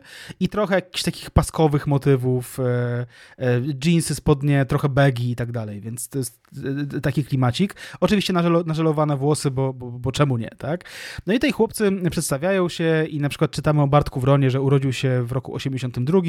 E, najmłodszy z całej piątki, kończy właśnie ósmą klasę, wybiera się do technikum gastronomicznego gastronomicznego. Gotowanie to jego wielka pasja, spec od spaghetti i kuchni chińskiej. O tym spaghetti zaraz sobie powiemy, jak to tam było z tym spaghetti. E, w każdym razie e, czytamy dalej. E, ma już swoje własne przepisy, marzy, by w przyszłości wydać własną książkę kucharską. W sumie nie sprawdzałem. Udało się? Nie udało się. Nie udało się. Też sprawdzałeś, tak? Jakby Mhm. też pomyślałeś o tym, żeby Mhm, sprawdzić. mhm. Tak. E, Bartek oczywiście uwielbia też śpiewanie. To sprawiło, że zgłosił się na eliminację do Just Five. Okazało się, że bardzo dobrze radzi sobie nie tylko ze śpiewem, ale i z tańcem i tak dalej, więc, e, więc tutaj jest jakiś taki background muzyczny, ale też jest jakiś taki e, w przypadku, może nie każdego, ale wielu z nich, jakiś taki moment, w którym mówimy o tym, jacy oni są osobiście, jacy oni są w stosunku do dziewczyn, partnerek potencjalnych i tak dalej. I czytamy, że tam, że na- na jego widok dziewczynom e, mocniej biją serca i cytuję dalej. Bartek zdaje sobie sprawę ze swojego powodzenia o płci przeciwnej i nie ukrywa, że lubi być adorowany, ale najbardziej w dziewczynach ceni szczerość i czułość. I to jest bardzo klasyczny język w ogóle tych, tych, tych czasopism, nie? W sensie, że, że, że, że musisz stworzyć jakąś taką swoją personę, która, w którą czytelniczka musi uwierzyć. No i Just Five był absolutnie idealnym projektem, e, projektem pod to, nie? Super e, urocze jest też to, że wszyscy panowie mają podane, podaną datę urodzenia, w sensie dosłownie rok, e, dzień i miesiąc, oprócz Grzegorza Kopali i ten wątek będzie wracał e, również w telewizji. E, znaczy Grzegorz Kopala po prostu ma napisane w tej w popcornie, że jest najstarszy w zespole, tak, zamiast daty urodzenia. Natomiast e, są też jakieś takie mm, e, ślady po archiwach telewizyjnych, że jak oni się przedstawiają tam, cześć, jestem Bartek, mam 15 lat, a ja Daniel, mam ty, tyle i tyle lat. E, I na końcu wchodzi Grzegorz i mówi, a jestem Grzegorz, jestem najstarszy w zespole. Tego typu Super. rzeczy będą grane mocno, tak, tutaj każdy, żebyście wiedzieli, każdy ma datę urodzenia. Faktycznie jest też materiał z Bravo Girl mniej więcej z tego samego czasu e, i to samo, data urodzenia, tutaj nie jest napisane najstarszy w zespole, tylko jest znak zapytania, nie? I jest Mam nadciśnienie. jest też wspaniałe pytanie, bo tutaj przy okazji w tym materiale z Bravo Girl są jakieś takie pytania. Złości mnie, gdy ktoś jest arogancki, odpowiada członek zespołu i te pytania się powtarzają przy poszczególnych chłopakach i Grzegorz Kopala, 25-letni wtedy ma pytanie, w szkole nie lubię i on odpowiada stresu, że on już nawet nie pamięta tych kartkówek, nie? Może Nie, mu to chodzi o to, że jak przychodzi jako nauczyciel, nie? tak, jak, tak, tak. Nie, bo to jest męczące, ta młodzież jest okropna, no. Więc tak, tak, tak. I tutaj jest podobnie, no jeśli chodzi o tego Tak, bo warto zaznaczyć, że to jest materiał, który wychodzi w momencie, w którym y, oni nie są jeszcze znani, to znaczy to jest ewidentne po prostu ulokowanie, ewidentny materiał promocyjny, tylko nieoznaczony, tak, to po prostu e, BMG musiało tutaj posmarować popcornowi, no i, i lecimy, nie, więc tutaj już mamy sygnał, że on jest uwielbiany przez fanki, więc będziemy to tak kreować, doskonale to wiemy. To jest też parę mm, jakichś takich dziwnych może dosyć ciekawostek, ale mamy dwóch członków zespołu. Właśnie nie zaznaczyliśmy chyba tak do końca, że to jest zespół poznański, tak? Że to jest zespół poznański, co się zowie, o czym ja przyznam w ogóle zupełnie zapomniałem. Myślałem, że w Warszawie był jakiś casting, przyjechały chłopaki tam z różnych stron i tyle, a to jednak mocno, mocno wielkopolska historia i dwóch z tych członków zespołu śpiewało w poznańskich chórach dziecięcych. Shadi śpiewał w poznańskich słowikach, natomiast Daniel w polskich słowikach. Mm, To był ten chór prowadzony przez Wojciecha Kroloppa, e, no, który oczywiście popadł w słuszną niesławę z e, jasnych mm, przyczyn, więc, więc tak, podkreśla się jeszcze, że Shadi jest takim właśnie technowariatem troszkę, romantyczny technowariat. Jest kolczyk w nosie, lubię sobie pójść na rejwy I co robić tam na i rejwie? tego typu historie. Nie wiem, co się robi. Tańczy się, tańczy się, bawi. Pije się dużo wody. Spotyka z Z kolegami. jakiegoś powodu pije się dużo wody. Nie wiem, o co w tym chodzi. Czy to jest jakieś straight edge'owe? Co to, jest za zdrowe. historia? Mateusz, po prostu musisz pić dwa litry wody dziennie i to jest po prostu zdrowa Tylko sprawa. widzisz, z młodzieżą to jest tak, że zapomina o tej wodzie, że tam jakieś napoje kolorowe ewidentnie, a na tych rejwach wszyscy są wodą. Co to jest takie? No. To jest jakiś taki obóz dla zdrowia, czy to jest sanatorium? Tak. Chyba tak, chyba tak. Ale a propos spożywania rzeczy, mamy przepis również z popcornu, ale już wrześniowego, wrzesień 97 roku, mamy przepis Bartka Werony na spaghetti, tak? Dowiedzieliśmy się przed chwilą, że robi najlepsze spaghetti na świecie, więc mamy ten przepis, bo Bartek Wrona kilka miesięcy później dostał solowy artykuł. Shadiemu też się przydarzą jakieś takie solowe materiały, innym kolegom już nie, niekoniecznie. Nie? Grzegorz Kopala tam w Rzeczpospolitej mógłby mieć rubrykę w tamtym momencie. W pismach młodzieżowych nie będzie solowego materiału. Absolutnie. Więc teraz prośba do was, żebyście wzięli coś do pisania, tak? Bo wiecie, potem nie będziemy powtarzać. Tego się nie da odtworzyć już później. Spaghetti na ostro według tajnego przepisu Bartka Wrony. Tajnego. A my się dowiedzieliśmy, e, jak to zrobić. Na początku przygotowuję sos. nice. Mocny gość. Odważnie. Do, Do garnka wlewam trochę oliwy. Na rozgrzany olej wrzucam pokrojone w kostkę różne warzywa. Oliwa się zmieniła w olej w międzyczasie. Na rozgrzany olej wrzucam pokrojone w kostkę różne warzywa. Głównie pomidory, ogórki, cebulę. Dodaję szynkę lub boczek. To wszystko smażę około 15 minut, często mieszając.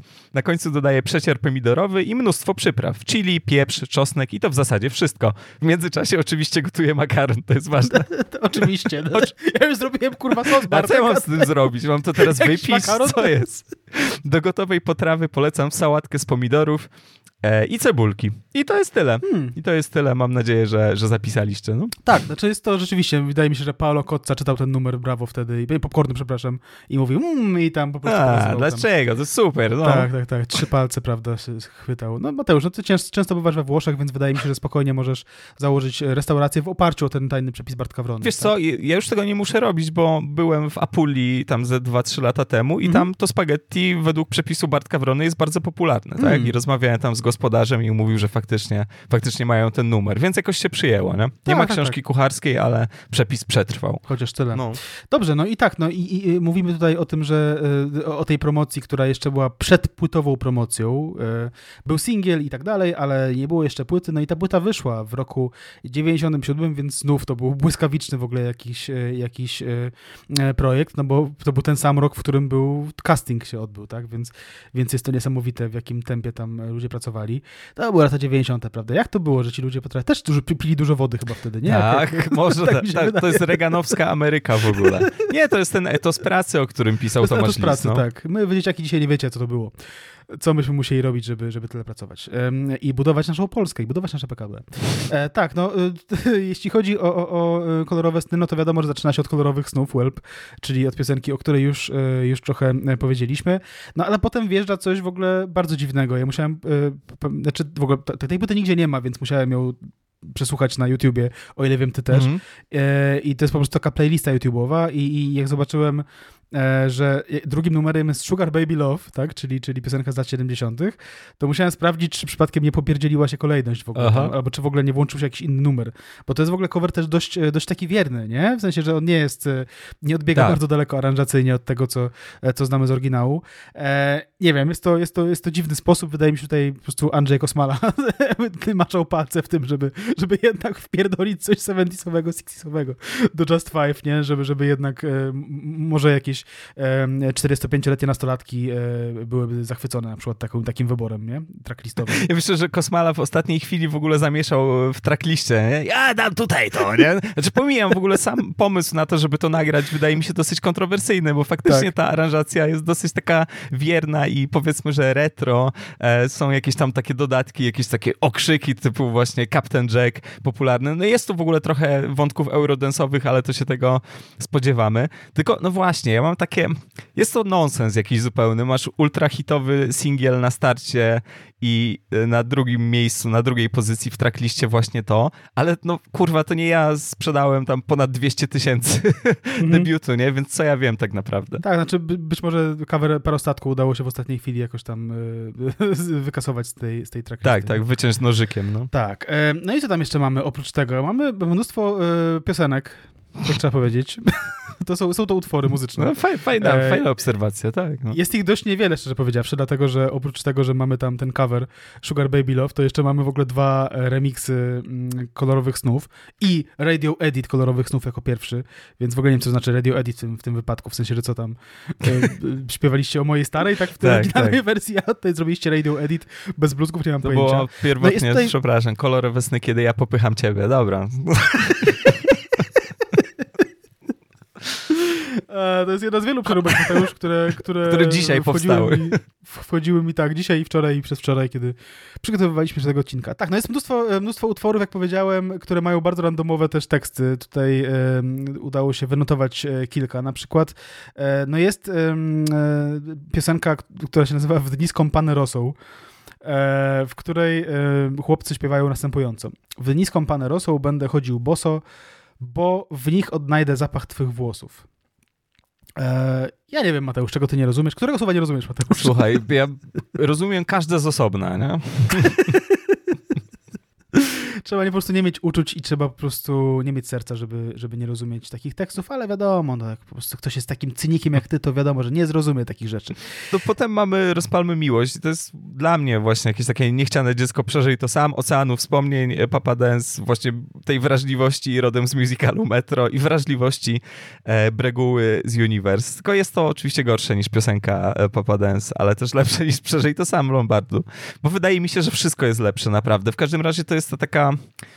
właśnie taka natchniona boysbandowość, że coś, co będzie dobrze grało na koncertach charytatywnych, nie? Jednak każdy boysband musiał mieć tego typu numer w swoim e, katalogu i oczywiście on się potem sprawdzał przy okazji jakichś takich eventów, o których wspomniałem.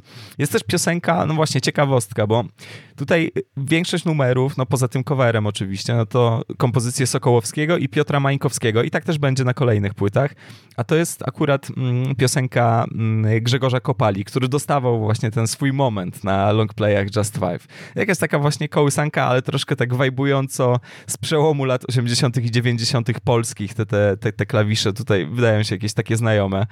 Pojawiają się tam słowa w pajęczynę snu złożona, w mych ramionach zasnąć chcesz. Jest to trochę creepy, ta pajęczyna snów, ale jak sobie przypomnę, jak Skawiński śpiewa o tym, że noc jest wielkim kosmatym pająkiem w piosence Przytul mnie, to, to, to mi się już wydaje zupełnie normalne, nie? Więc to już, to już możemy. No to jest dużo właśnie jakichś takich numerów, też zaznaczmy, nie? To nie jest taka przygoda jak um, płyty Ich Troje, o których rozmawialiśmy już wiele, wiele miesięcy temu, nie? Że pojawiają się jakieś zupełnie pojebane rzeczy. To są raczej rzeczy, których się spodziewasz na płycie płycie boys bandowej, nie? Piosenka Przetańczmy te dni z rymem Możemy tańczyć, zrywać pomarańcze, także Karol Kus, ręce składają się do braw, nikt tego no nigdy, dokładnie. nigdy, tak, ale jaki ciekawy. Tak, jest też taka właśnie sofciarska boys bandowość, no bo jednak każdy z tych zespołów właśnie w rodzaju backstreetów miał taki numer, że jest tam właśnie taka automatyczna perkusja, tak w cudzysłowie bumbapowa, troszkę jakiegoś tła klawiszowego i jakieś takie właśnie filery na gitarze akustycznej, więc w Ogrodzie Marzeń to jest, to jest tego typu numer. No tak mi się kojarzy właśnie poranek w tamtych czasach, gdy w telewizji, właśnie w niemuzycznych telewizjach leciało dużo teledysków, po prostu zapychało się na poranną ramówkę, nie? I to jest właśnie wstawanie do szkoły w 97 roku. No i ta zasadnicza najważniejsza część płyty zostaje zwieńczona numerem zatytułowanym po prostu Just Five, który no, ma tekst.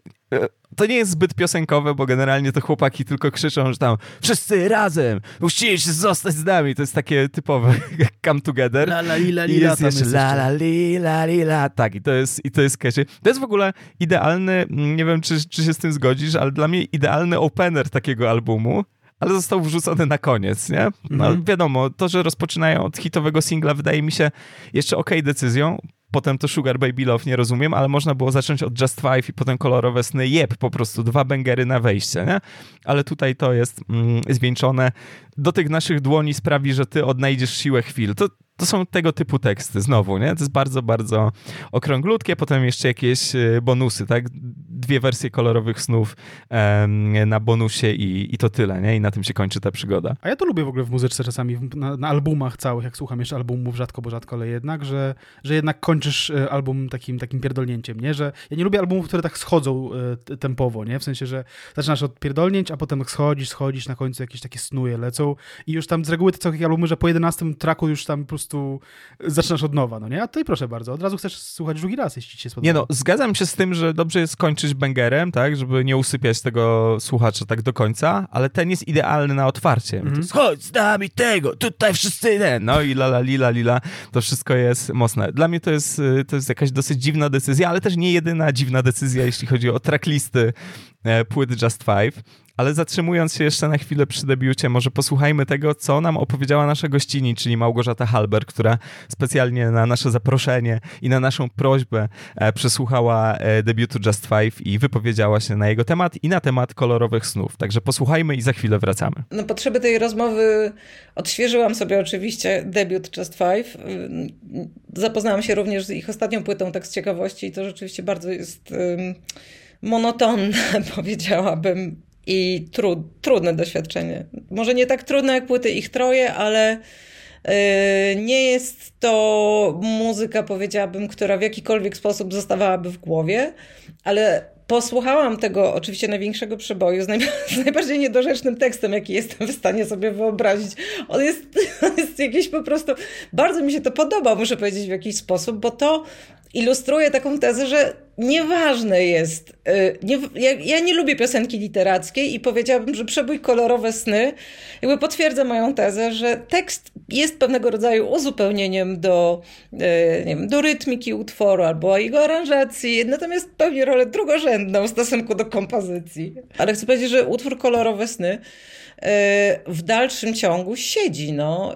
I myślę, że to on ma ciekawą rytmikę, bo tak naprawdę jak się wsłuchać w to tempo utworu, to on jest, on trochę bazuje w ogóle na ska, tylko potem masz przetworzenie w, re, w refrenie oczywiście, tam jest to i, i następuje tak zwany drop refrenu, ale same zwrotki, one, one bazują właśnie tak, myślałam sobie o tych wszystkich utworach z lat 80. i potem tam oczywiście Chamba Wamba dalej ciągnąca to tempo, które tak naprawdę jest tempem, tempem ska, więc to jest, to jest bardzo zastanawiające, muszę powiedzieć. Tak, to była Małgorzata Halber, bardzo dziękujemy e, i e, jeszcze wróci Małgorzata w tym odcinku.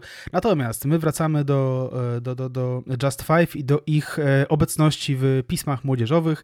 No muszę powiedzieć, że wtedy po prostu był taki moment w okresie polskiej muzyki, słynny moment, w którym po prostu Andrzej Kosmala pewnie kupował wszystkie numery Brawo i Popcornu i Brawo Girl i po prostu patrzył i jak czytał, że Just Five jest określane jako pierwszy polski boys band, to, to, to po prostu pewnie robił takie nani i po prostu ze wściekłością rzucał.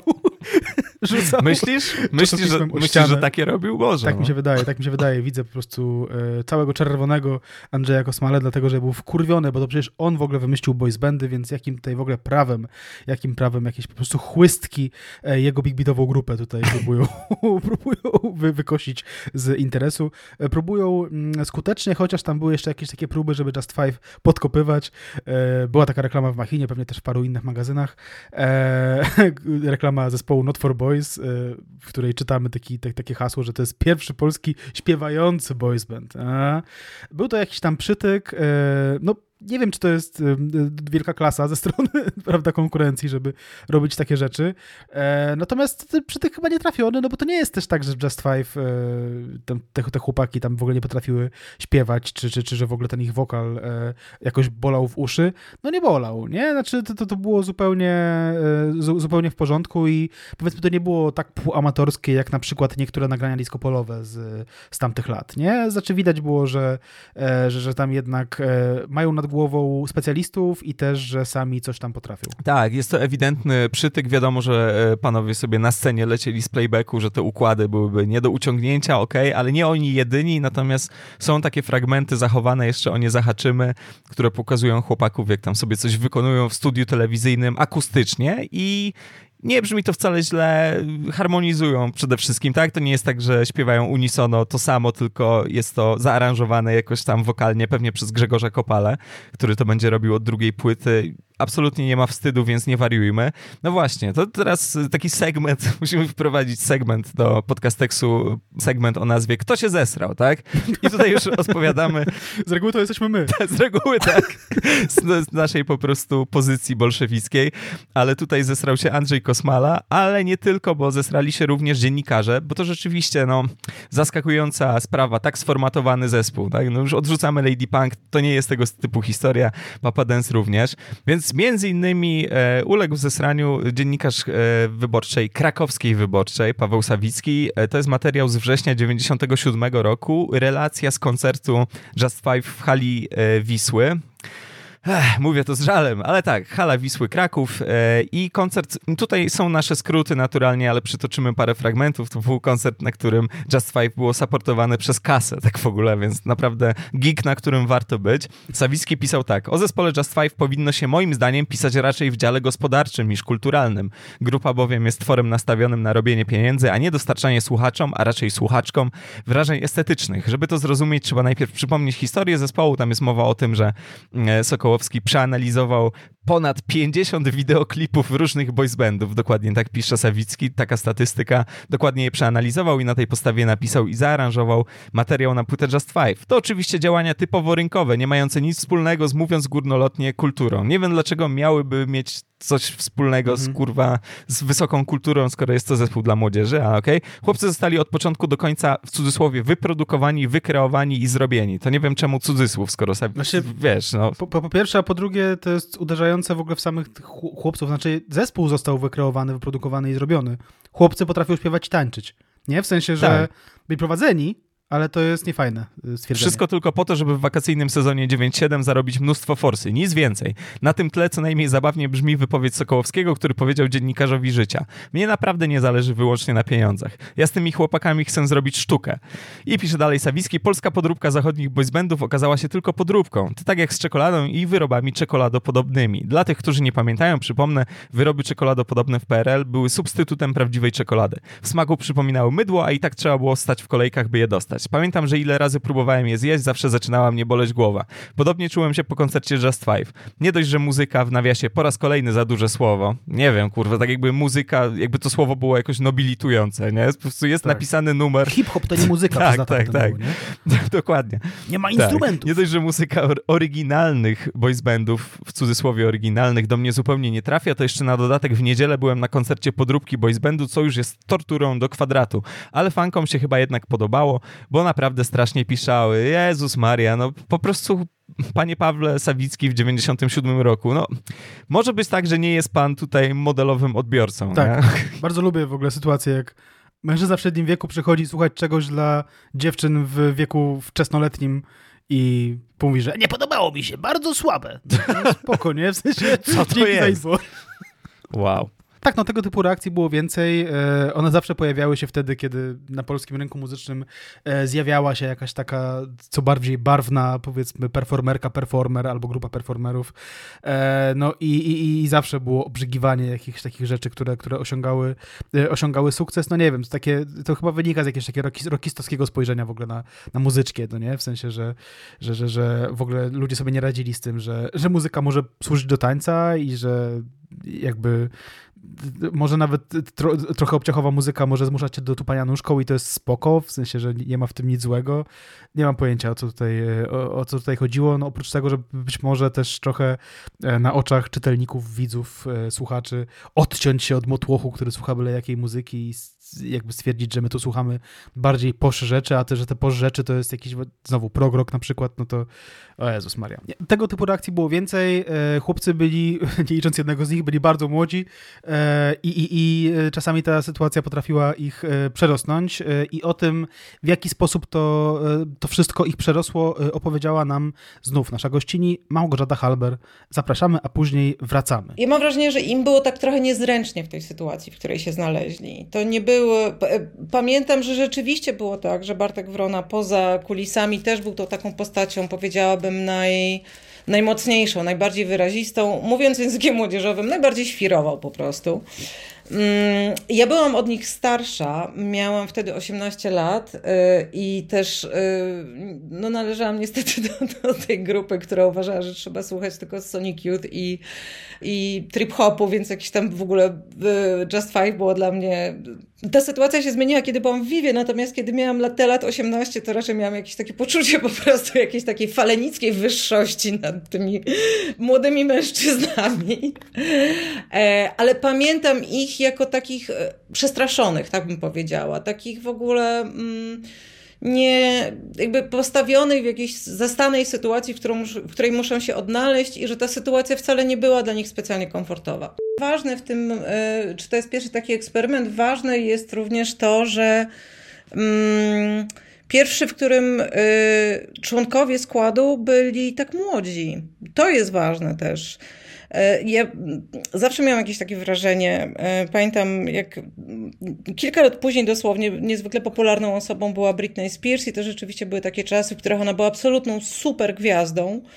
Miałam takie wrażenie, że właściwie wtedy były dwie super gwiazdy i to był Eminem na początku lat zerowych. Eminem i, i Britney Spears. I ja pamiętam, że ja miałam jakieś takie poczucie, że jej współczuję, że ona jest w manipulacji. No, potem oczywiście się okazało, że miałam rację.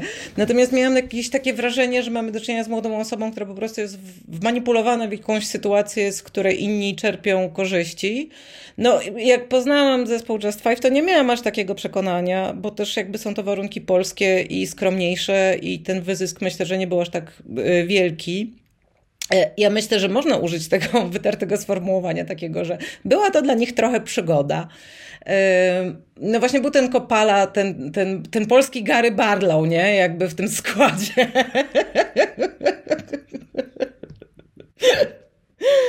E, no i Bartek Wrona, czyli robi Williams oczywiście, skoro szydziemy tym tropem.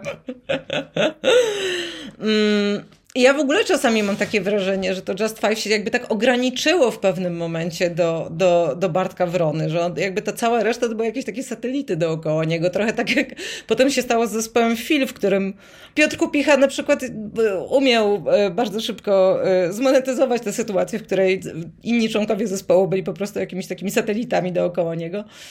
No ale Prawo boys polega oczywiście na tym, że każdy musi się różnić y, od siebie. I to był pod tym względem pierwszy boys bo się sprawdziło. Każda dziewczyna mogła sobie wybrać, czy chce romantyka, czy raczej tego idealistę, czy tego cichego z boku, czy raczej właśnie tego najładniejszego. No. Tak, to była Małgorzata Halber. Wracając jeszcze do tego odium całego kosmalowego czy dziennikarskiego, no, no nie zaszkodziło im to w żadnym wypadku. No, widzimy tutaj rozpiskę trasy koncertowej z Lipsa 9.7, no i grają właściwie codziennie.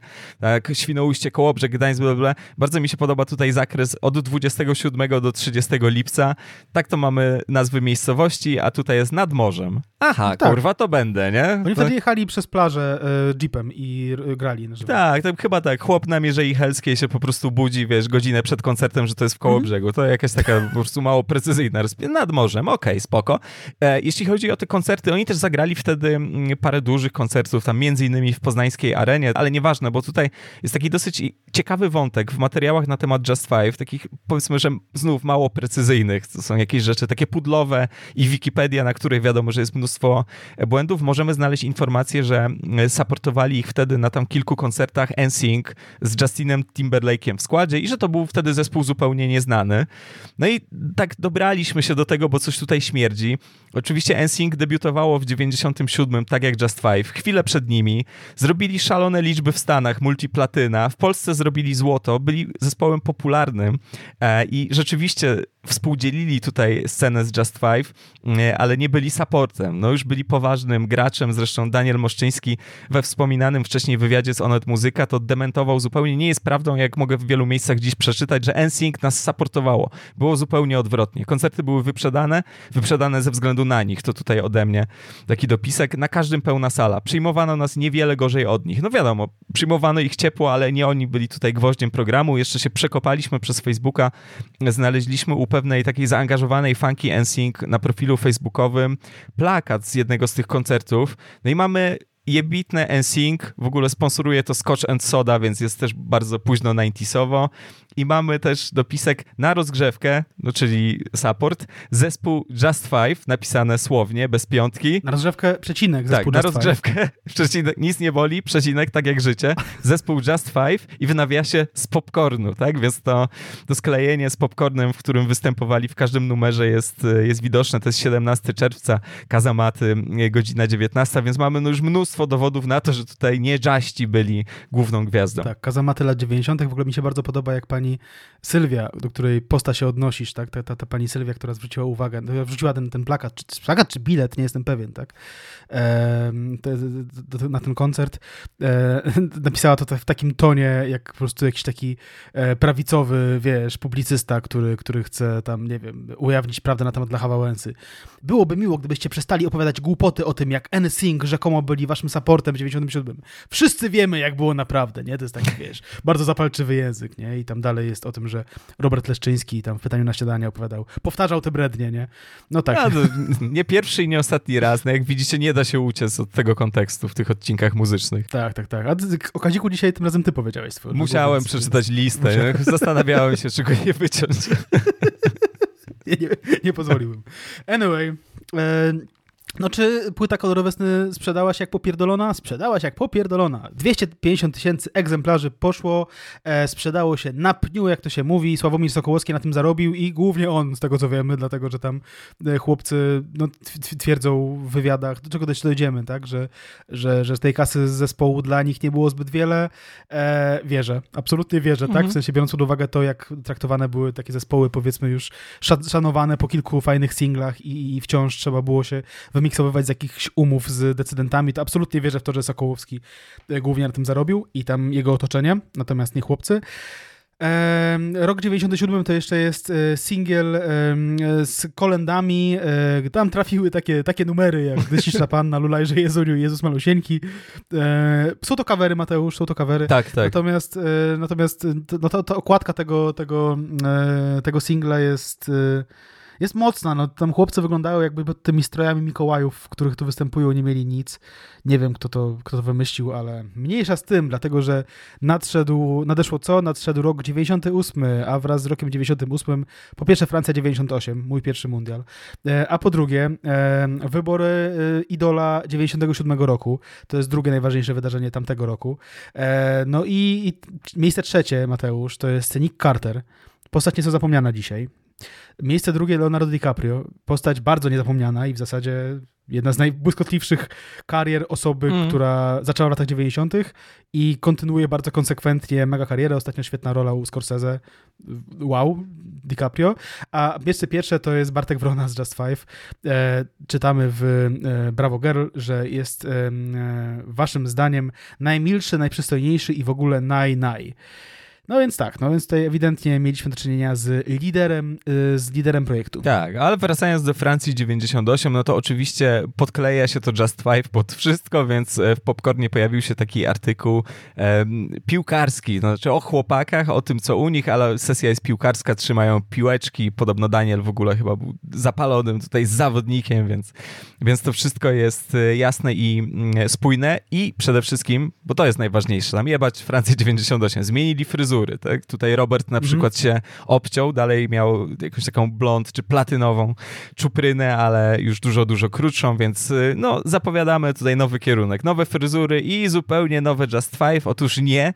W 98 roku wychodzi ich druga płyta, Zaczarowany Świat, e, z singlem, tym najpopularniejszym Zaczarowany Świat. No i moglibyśmy tutaj powiedzieć, że nie, zupełnie inna historia muzycznie, zespół dojrzał. Nie, to jest jeszcze próba po prostu dyskontowania tej boysbandowości takiej bardzo, bardzo y, nastoletniej więc jest to bardzo, bardzo podobna płyta do e, kolorowych snów. No tutaj na początku w tym zaczarowanym świecie oczywiście takie motywacyjne okrzyki go, go, go, no jest tutaj dużo takiej e, densówy. A pod względem tekstowym, no to mam takie wrażenie, że to jest to samo, na czym ten komercyjny pop się opierał od zawsze. Nie mówię tego pejoratywnie, komercyjny pop, ale to samo, na czym się opierał komercyjny pop oraz sekty, czyli taka opowieść właśnie tutaj jest zawarta, że jesteśmy po prostu baśnią, jakimś zaczarowanym światem, chodźcie z nami tutaj, do, zapraszamy do naszego świata, tutaj będzie wam lepiej. I znowu bardzo y, komputerowy y, klip, y, bardzo efektowny, no nie ma po prostu tak dobrej animacji na świecie. Oczywiście teraz się czepiam, 98, wiadomo, są tu takie próby, ale na marginesie, przy okazji oglądania tych teledysków Just Five, strasznie straciliśmy, jeżeli chodzi o takie materiały. To znaczy są jakieś uploady takie fanowskie w koszmarnej jakości, nie ma żadnych oficjalnych kont, które by z tego jakoś tam mogły czerpać, jakoś monetyzować też te klipy, tylko mamy bardzo, bardzo dużo kaszy, więc no ciężko się to ogląda tak naprawdę. No, kolorowy świat znaleźliśmy w dobrej jakości, dlatego, że była tam jakaś zgrywka ze Stars TV, ale tak poza tym to jest dosyć ciężko. Tak, to jest w ogóle mega dziwne, że nie ma oficjalnych uploadów. Y, to jest projekt, na którym, na nostalgii do którego można byłoby bardzo łatwo zarobić, tak mówiąc brzydko, ale też nie wiem, dziwi mnie to bardzo, że, że, że te, te, te majorsy mają do tego prawo i nawet nie, nie robią jakiegoś Just Five Vivo, tak, czy, czy, czy nawet nie ma tego na Spotify'u, jest na Spotify'u jest tylko ten chujowy cover y, Kangaros, tak, y, bodajże, nie? Tam, tak, Kangaros, no. Tam zrobili taką e, rokową wersję gitarową kolorowych snów i co? I wyszło chujowo, wyszło gorzej niż oryginał dużo, więc zamknijcie mordy. Natomiast y, nie lubiłem takich rzeczy, nie wiem jak ty. Nie, nie znoszę tego. Nie, w sensie, że wszędzie te gitary musicie wpierdolić. Natomiast, natomiast e, tak, no faktycznie e, trudno dostępne są niektóre z tych rzeczy. E, są też takie teledyski, które w ogóle są po prostu grane nagrywaniem po prostu ekranu. Nie wiem dlaczego, jakby, tak? Wydajecie na to pieniądze wtedy i to jest niedostępne. Tak, no był jeszcze klip kręcony w Wenecji, w którym no pierwsze skrzypce gra Bartek Wrona, czy Bartek Wrona płynie tą gondolą po prostu przez Wenecję i to głównie on tam płynie, w sensie nawet, żeby nie powiedzieć tylko on tam płynie. E, no cóż, no jest to najwybitniejsza, po prostu najwybitniejszy Bartek w historii, w historii Polski po prostu, więc nie dziwię się, że tak, że tak mhm. jest. E, no i jest stylizacja na Backstreet Boys, co jest już też o tyle łatwiejsze, że kurde, ja wiem, że tylko rok minął od, tego, od tej pierwszej płyty, ale nawet na okładce chłopaki, może nie Bartek Wrona, ale tam pozostali chłopcy wyglądają starzej zdecydowanie niż, niż na, na, na, na debiucie. Wiem, że nastolatki oprócz Grzegorza, tak, ale wiem, nastolatki szybko, szybko rosną i, i, szybko się rozwijają, ale jeden z nich nawet brodę w ogóle i wąsy. Co jest w ogóle też, nie wiem, no co jest okej, okay, no bo przecież Backstreet Boys na, na poziomie tamtego takiego horrorowego teledysku, co to był za numer, nie pamiętam jak się nazywał. E, everybody. Tak, Everybody. Backstreet's Back, no. E, tak, e, no to przecież oni tam też już wyglądali na tych takich gości powiedzmy po 25. No i tak w ogóle, no my tam się trochę śmiejemy z tego, że, że, że, że oni y, jakby unikali w promocji Just Five, ci decydenci, mówienia o wieku y, Grzegorza, e, ale nie, nie rozumiem dlaczego, no przecież Backstreet Boys tam między nimi też była jakaś taka różnice, różnice wiekowe duże, nie? Znaczy pomiędzy Carterem najmłodszym i tam pozostałymi były tam, nie wiem, ponad 5 lat różnicy momentami. Nie zdziwiłbym się, jakby tam była zdycha różnicy między tam, nie wiem, 7-8 lat, no nie? Nie, dycha to nie. No. no. nie wiem, nie wiem. No w każdym razie ciekawe jest to, że, no nie, mówimy jednak o 25-latku, a nie, a nie o, wiesz, 35-latku. To, to już byłaby duża różnica, nie? To wciąż jednak jakiś taki klimacik pod tytułem szkoła, studia yy, i tak dalej, i tak dalej więc, więc nie wiem, dlaczego aż tak to było, że, że, że, że mm, tutaj e, Sokołowski stwierdził, że absolutnie to muszą być tylko nastolatki i musimy cały czas sugerować, że są nastolatkami, nie? No, no może tak, no to ubieranie Grzegorza Kopali w czapki takie po prostu bardzo, bardzo konsekwentne, to jest jakaś niesamowita, niesamowita sprawa. Tak, no jeśli chodzi o Gdzie nie ma róż, no to tutaj też tekstowo Gdzie nie ma róż, tam nie ma nas, a bez nich ogród taki pusty, zabrakło róż, zabrakło nas, tam nie ma nas. Nie wiem, co tutaj z czego wynika, ale jest to romantyczne, więc to jest tutaj najważniejsze w tej e, pięknej balladzie. Tak, no pojawiają się tutaj też naturalnie momenty dynamiczne, bo to nie jest tak, że to jest jakaś balladowa płyta. No jest ten singiel, gdzie nie ma róż, ale tak poza tym jakieś Gdy maluje ciebie, jakieś takie dynamiczne i sexy, jakieś takie właśnie ballady R&B, bo też boys bandy po tego typu klimaty sięgały, na przykład Słowa nie wiatr. Poleć ze mną wysoko to jakieś takie cholera wie co, ani ballada, ani jakiś taki taneczny numer. Jeśli chodzi o Poleć ze mną wysoko, to wiadomo, te fletnie, które tam były grane w polskiej muzyce rozrywkowej lat 90. i na polskich ulicach też e, były te fletnie Jeszko grane. Broda miał dużo do robienia. Tak, on wtedy cultural appropriation robił po prostu tym wszystkim ludziom z Peru, ale y, mamy na koniec coś, co jest naprawdę i tutaj bez beki, no to jest jakieś takie power dance, high energy, tak jak czasami u Stachurskiego tam na 1999, albo tak jak w bani u Cygana, bo jest to faktycznie uderzenie, co teraz, i to wszystko dudni po prostu prostu stopa jak chuj, ale co? Piosenka Blackjack no, powstała po to, żeby promować wafel, wafel Blackjack i, i to też jest istotna tutaj warstwa, jeżeli chodzi o Just Five, czyli to ich podklejanie, to sklejenie z produktami, to ich takie, wiesz, bardzo łapczywe monetyzowanie, nie? Bo wiadomo, że to będzie krótko trwało, tak się okazało zresztą, dzisiaj jesteśmy mądrzejsi, ale wtedy chyba ci decydenci też wiedzieli, że musimy to wszystko pospieniężać, pospieniężać, więc zabawne jest to, że jest takie po prostu high energy jebnięcie,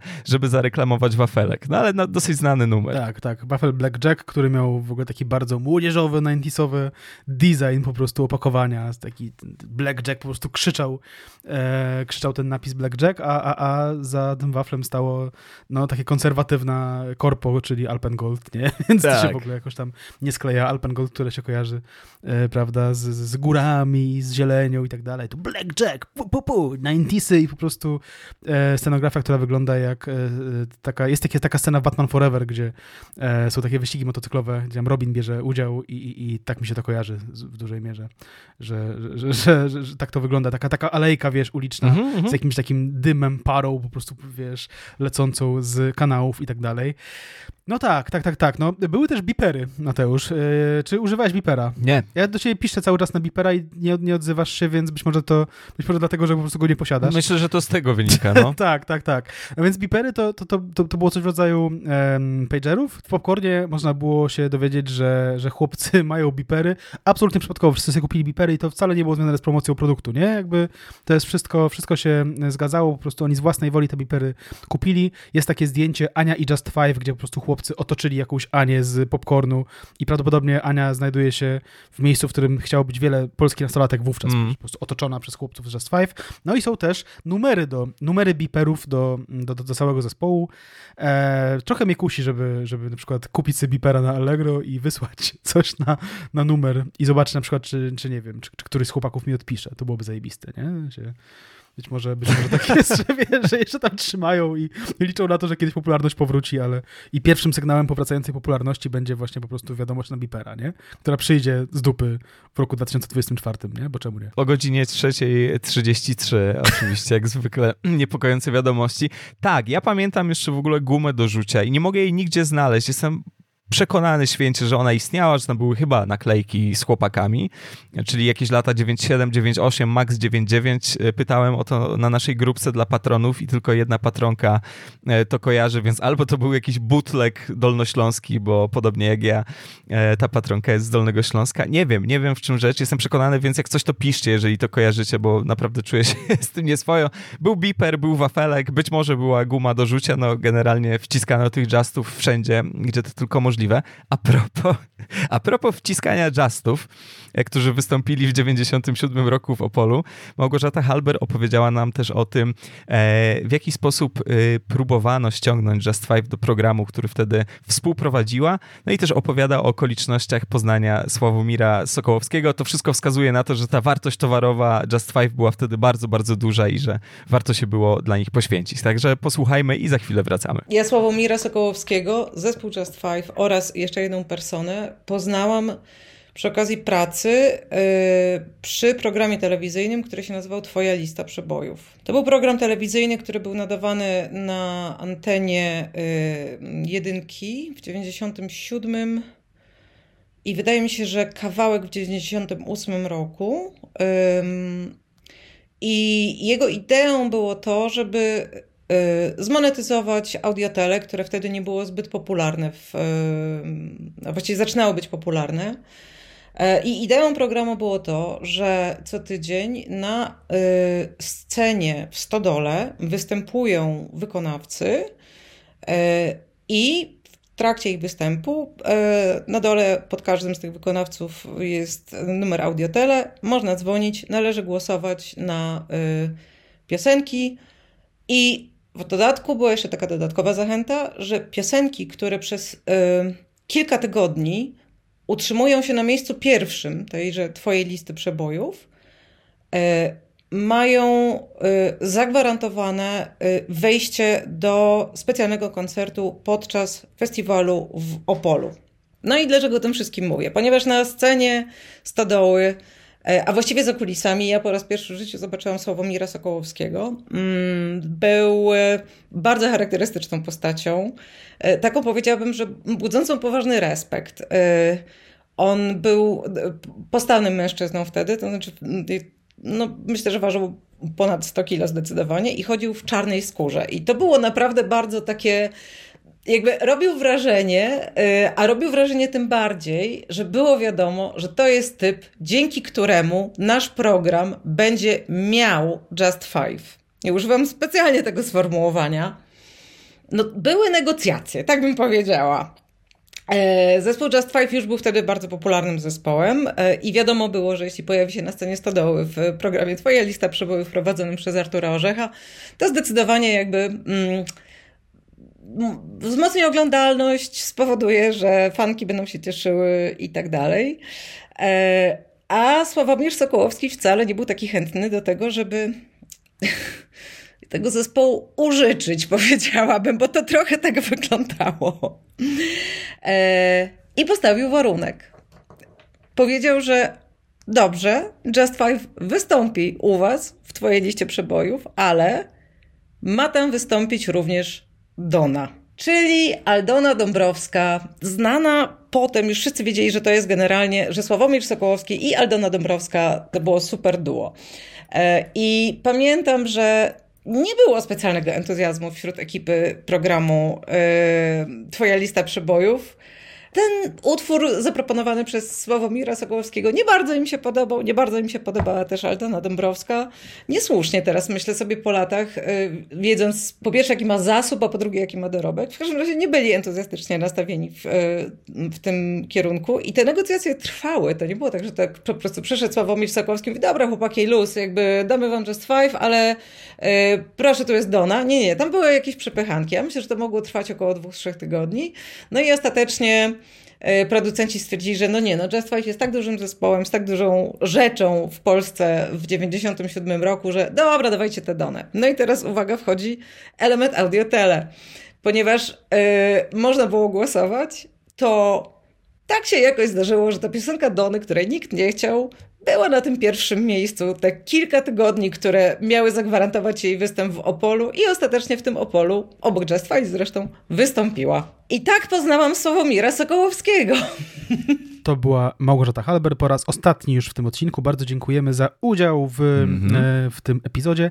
Natomiast e, co tam dalej z, z Just Five? No, oprócz tego, że byli obecni bardzo mocno w czasopismach młodzieżowych, byli też obecni w telewizji. No i no cóż, no, młodzi, ładni chłopcy, ładnie tańczący i ładnie prezentujący się na wizji no to pojawiali się raz na jakiś czas, przede wszystkim w programach młodzieżowych, tak, tak, tak, tak, się, tak się zdaje. Był na przykład taki, e, e, taka audycja, która, która nazywała się Twój problem, nasza głowa. I po prostu, jak mi się to przypomniało, że coś takiego istniało, to jest autentycznie coś, o czym nie myślałem od roku 99, że to było, nie? Znaczy miałem jakiś taki flash, że o Matko Boska, faktycznie.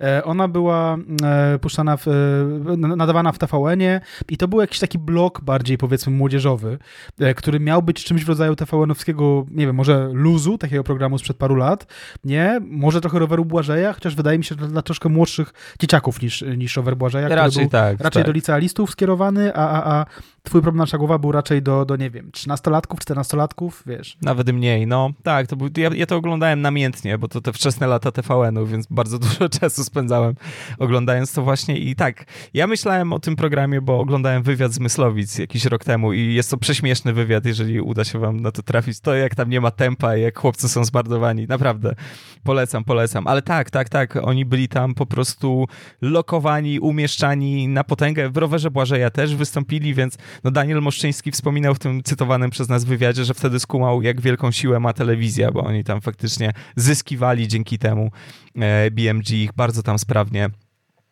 umieszczało. No i jest taki po prostu mega mix VHS-owy na kanale YouTube'owym Bartka Wrony, jakieś trzy godziny takich zgrywek z kaset i można sobie to pooglądać. To nie są jakieś pasjonujące rzeczy, no ale też widać w tym pewne tendencje, że tam Bartek Wrona jest faktycznie frontmanem, twarzą grupy, ale Grzegorz jest opiekunem wycieczki faktycznie co się zowie, bo jest takim rzecznikiem, który się najczęściej wypowiada, wypowiada się najsprawniej ze wszystkich chłopaków. Na początku tego megamixu, coś tak nie nazywa, to ja to tak tylko nazywam, ale znajdziecie to na kanale pana Bartka e, Wrony. Jest też e, fragment z Just Five, którzy śpiewają właśnie w studiu telewizyjnym na żywo.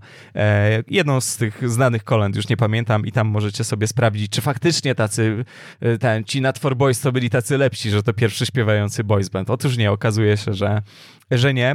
Wracając do płyty Zaczarowany Świat, ona sprzedała się dużo gorzej. To było ponad tam 100 tysięcy egzemplarzy a 200 tam około 250, jeśli chodzi o debiut, no ale to jest wciąż fantastyczny wynik i platyna w czasach, w których no, trudno było zrobić platynę rzeczywiście, więc no nie można nazwać mm, tego jakąś porażką, ale chyba pojawiają się już tutaj pierwsze takie mm, sygnały, że dochodzi do jakiegoś zmęczenia materiału, że ta boysbandowość taka pchana, ciśnięta na, na siłę niekoniecznie się już sprawdza. Tak, rok 99 to jest rok, w którym e, no cóż, zmarł Tadeusz Kaczyński, polski muzykolog, krytyk muzyczny, założyciel Filharmonii imienia Romualda Trauguta. No i też Just Five wydało płytę. To są dwie rzeczy, które nie mają ze sobą nic wspólnego.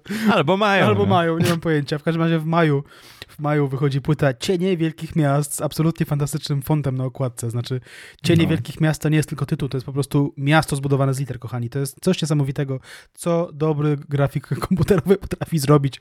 Pozdrawiamy e, Michała Kozikowskiego. E, natomiast, e, co tam się dzieje na samym materiale? Dzieje się więcej niż na dotychczasowych dwóch płytach, znaczy troszkę, troszkę panowie zmienili stylóweczkę, prawda? I, i, I mamy na przykład singiel Dzieci Słońca, który, no właśnie, wspominałem o tym, że klip jest niedostępny i, i że, do, znaczy do, dostępne jest tylko jakieś takie nagranie ekranu, tak, telewizora, e, a tam poszły jakieś pieniążki, dlatego że kurczę, tam się dzieją niebezpieczne rzeczy jest jakiś po prostu, jest tygrys, jest jakiś po prostu taka postindustrialna przestrzeń i, i chłopcy są w ogóle też na okładce tej płyty tacy, no trochę postindustrialni, nie? Znaczy widać, że to jakby, jakbyś po prostu szedł przez Poznań e, postapokaliptyczny, to byś mógł spotykać szajki takich chłopaków, którzy wyglądają dokładnie tak. Jeden z nich ma nawet takie okulary, które wyglądają jak gogle spawalnicze, nie? Szedłem przez postapokaliptyczny Poznań całkiem niedawno. Kurwa, skończy ten remont w końcu. Przecież ci nasi znajomi poznaniacy mają już tego dość, naprawdę. Tak, nie? Katarzyna pozdrawiamy, bo tam Katarzyna jest zaangażowana w sprawy miejscowe. Tak Nasza jest. słuchaczka. Tak, tak, pozdrawiamy. No tak, tak, no to jest też taka stylówka Y2K, to jakieś takie srebra Mhm. szarości, nie? Więc tutaj faktycznie 99 wszystko się zgadza, ale przede wszystkim ten numer, on jest riffowy, tutaj się pojawiają przesterowane gitary. W ogóle to, co się dzieje na tej płycie, jeszcze o tym parę słów powiemy, to jest ten typowy myk, czyli dwie płyty takie, wiesz, dla młodzieży, ta sama konwencja i trzecia już taka nieco bardziej niebezpieczna, nieco bardziej mroczna. No u Britney tak było, dwie pierwsze płyty plus trzecia płyta Britney, już wiesz, zmiana stylowy, więc tutaj mm, też Sokołowski ewidentnie próbował zrobić coś takiego, ale oczywiście nie chodzi o to, że na cieniach wielkich miast są tylko jakieś takie riffowe albo horrorowe rzeczy. Jest też numer bardzo delikatny za to, co mam i to jest tak totalnie po prostu późne 90sy pop, czyli jest ta perkusja, no nieżywa, mechaniczna, ale jakieś takie flamenkowate, ja to tak nazywam, granie na gitarze akustycznej. No i też możemy znaleźć sobie teledysk do tego numeru w bardzo złej jakości i oczywiście chłopcy tam siedzą na takich stołkach, hokerach, tak samo jak Backstreet Boysi, więc znaleźliśmy zdjęcie dla porównania. Wszystko się tu zgadza. E, Nie udajemy, że to nie jest poddupcane. A poza tym na tej płycie jest dużo jakichś takich rzeczy mocno zainspirowanych wcześniejszym o dwa lata wspomnianym już dzisiaj Everybody, Backstreet Boys, czyli Backstreet's Back, ten horrorowy teledysk i horrorowe klimaty, jakiś taki właśnie taki demoniczny, diabelski śmiech w oczach nocy, ten taki synt pozawijany, właśnie taki spooky synt. No jest dużo tutaj takich śmiesznych klimatów, ale a propos rzeczy horrorowych i spooky, nie było tego wątku jeszcze i my naprawdę nie staramy się ich wciskać na siłę. Natomiast na tej płycie pojawia się też utwór Błogosław każdy dzień z dopiskiem piosenka dedykowana Ojcu Świętemu Janowi Pawłowi II i sami chłopcy mówili o tym w wywiadach, że została napisana specjalnie z okazji tej pielgrzymki papieskiej z 99 roku. Jest to po prostu taka boysbandowa ballada, a tekstowo to takie właśnie, że ojcze, ta błogosław, daj nam siłę i tak dalej. Nie jest takie super ciekawe, ale fakt warty To jest odnotowania. niesamowite, jak polscy wykonawcy potrafili łączyć z jednej strony, wiesz, tam całe płyty, które były o tym, e, chcę cię ruchać, dotykać ciebie, siebie, Tak. bi, bi, bi, bi, e", jebane tarło po prostu, nie, wale konia, Tak. no niemalże, tak, no bo jakby wiadomo, że nie tym językiem, ale jednak o tym są te numery, tak, a potem e, do rime, pa, pa, pa, pa, wiesz, chwilę później, nie, po, po Ojcze Święty, kochamy cię, no niesamowite to jest, no ale to jest po prostu, to jest życie w Polsce, tak, jesteśmy zawieszeni pomiędzy e, zatańczysz ze mną jeszcze raz i e, barką, nie, Między sakrum i profanum, tak. Tak. I szósteczka z języka polskiego w drugiej klasie liceum e, wjeżdża od razu. Tak, tak, tak. To, to jest życie Polaka, ruchanie Jan Paweł II. przecięte wesele, nie? Z jednej strony tam kościelny Tak. ślub i tego, nie? A z drugiej strony pompowanie e, dupą e, balona, nie? Czy coś tam, co się robi na weselach. A, że niby, że nie wiem, nie? No wiem, wiem. Się... No właśnie. co tam jeszcze? Co tam jeszcze? E, Jest e, wiele bardzo e, inspiracji Backstreet Boysami, w sensie, że, że naprawdę to już jest, e, znaczy, nie wiem, chciałem powiedzieć, że robi się bezwstydne, ale w sumie zawsze było dość bezwstydne. Mhm. Jest na przykład taki numer Poczuj ziemię pod stopami, który, który właśnie się odnosi do, do chłopców z za oceanu, prawda?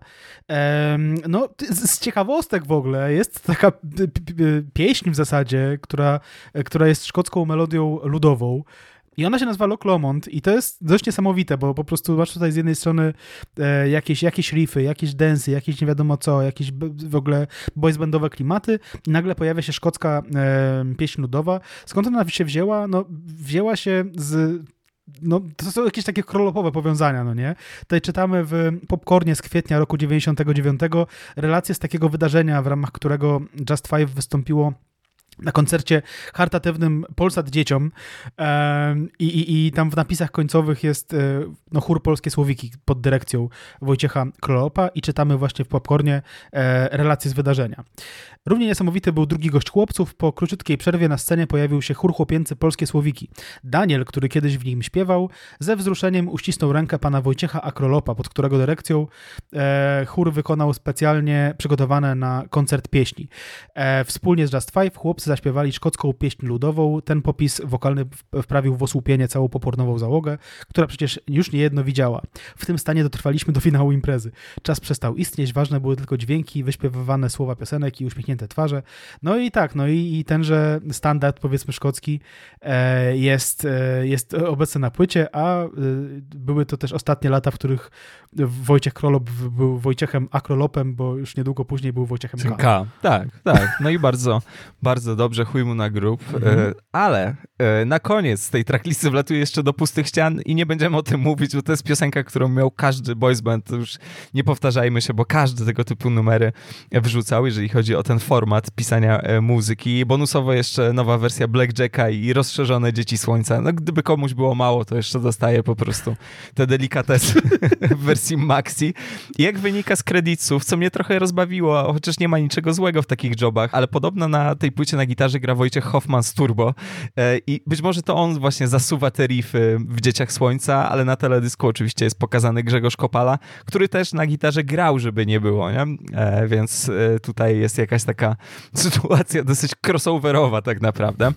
E, I co się działo dalej? No dalej się nie działo aż tak jakoś w ogóle hucznie i mocno. Były rozmaite konkursy, można było sobie z nimi e, pojechać, z Just Five, e, można było pojechać do Nowego Całkiem Jorku. zajebiste, nie? By the way. Całkiem spoko opcja, ale pojawiały się też w międzyczasie jakieś inne takie polskie odpowiedzi na i tutaj wstawmy sobie jakąś nazwę zespołu z zachodu, na przykład High Street tam grał, zapomniany zespół mam wrażenie kompletnie, ale tam grał, występował, śpiewał Waldemar Goszcz, świętej pamięci i Marek Sośnicki, czyli człowiek wielu talentów. Jeszcze raz polecam jego stronę na Wikipedii. To jest ten facet, który Jestem Jaki Jestem zajmuje się tym talent show Wiśni, e, pracuje z wokalistami i wokalistkami. Pojawił się też zespół Boombox i inne. Mieliśmy też polskie odpowiedzi na Spice Girls, tak?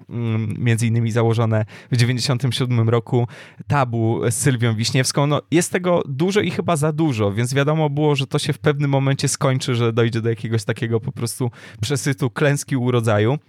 I te cienie wielkich miast, one sprzedały się znacznie, znacznie gorzej niż dwie pierwsze płyty Just Five. Na tyle źle, że nie wiemy, jaka to była dokładnie liczba, wiemy natomiast, że nie było nawet złotej płyty. Nie? Więc ten manewr w rodzaju, oni już dojrzali, oni już są tacy trochę niebezpieczni, trochę agresywni i tak dalej, on nie pyknął, e, a rok 99 no zwieńczyli jeszcze Juści pełnoformatową płytą e, Kolendujmy Razem, to jest płyta z kolendami, taki darmowy dodatek do płyty Cienie Wielkich Miast. Tutaj mam nawet na okładce płyta gratis, 17 utworów, 350 piosenek na 250 płytach, tego typu, tego typu nastrój. Razem około dwie godziny muzyki, mi się około. No, plus minus, nie wiem, kto to będzie liczył, nie, tak naprawdę. Jakiś gość za X-u znowu, bo trzeba podać długość tego utworu. I tak naprawdę ta historia Just Five się kończy na tym 99 roku, czy kończy się wraz z 99 rokiem, bo co prawda zespół jeszcze tam istniał oficjalnie przez jakiś czas, ale no było o nim cicho tak naprawdę. Jak się poprzegląda Brawo Popcorny z lat 2000, 2001, 2002, no to oni są właściwie nieobecni. Dwa słowa a propos tej płyty z kolendami. Po pierwsze, najgorsza okładka płyty świątecznej ever. Znaczy ja się trochę nabijałem z tego, z tej płyty z kolendami wcześniejszej, gdzie oni byli ubrani jak Mikołaje, ale tam chociaż było skojarzenie z, z tym, że, że, że no, well, Mikołaj, święta i tak dalej, a tutaj w ogóle oni mają jakieś takie e, rekwizyty, powiedzmy, kolędników, tak, jakieś widły tam i tak dalej, i tak dalej, ale są ubrani zupełnie normalnie, nie? Mają normalne swetry, jakieś czapki założone do tyłu i tak dalej, więc, więc jest to absolutnie okropne. Znaczy, oczekiwałbym od płyty kolędowej jednak jakiejś tam konfekcji świątecznej, a po drugie właśnie policzyłem sobie na kalkulatorze, Mateusz, że jeśli oni mówią, mówią na okładce, że jest 17 utworów i razem około dwóch godzin muzyki, to, to jest średnio 7 minut na utwór. To jest jakiś potwór w ogóle, nie? Znaczy, naprawdę? Nie, oni to chyba po prostu źle tutaj umieścili tak informacyjnie.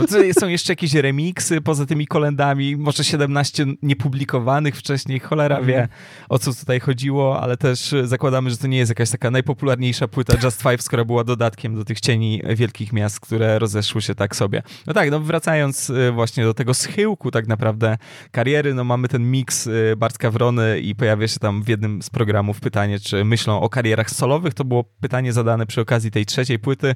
Shadi powiedział, że nie, bo dobrze się dogadują i być może tak było, że między członkami e, zespołu panowała zgoda, pokój i miłość, ale chyba nieco inaczej było e, z ich relacjami ze Sławomirem Sokołowskim. Tak przynajmniej podejrzewamy, bo Moszczyński w tym wspominanym już przez nas parokrotnie wywiadzie mówił o tym, że spadku popularności nie czuliśmy, natomiast świadomość pewnych sytuacji, które zaczęły się pojawiać, spowodowała, że zmieniłem stosunek do zjawiska, jakim było Just Five i do Sławka Sokołowskiego. O jakich konkretnie sytuacjach Daniel mówi?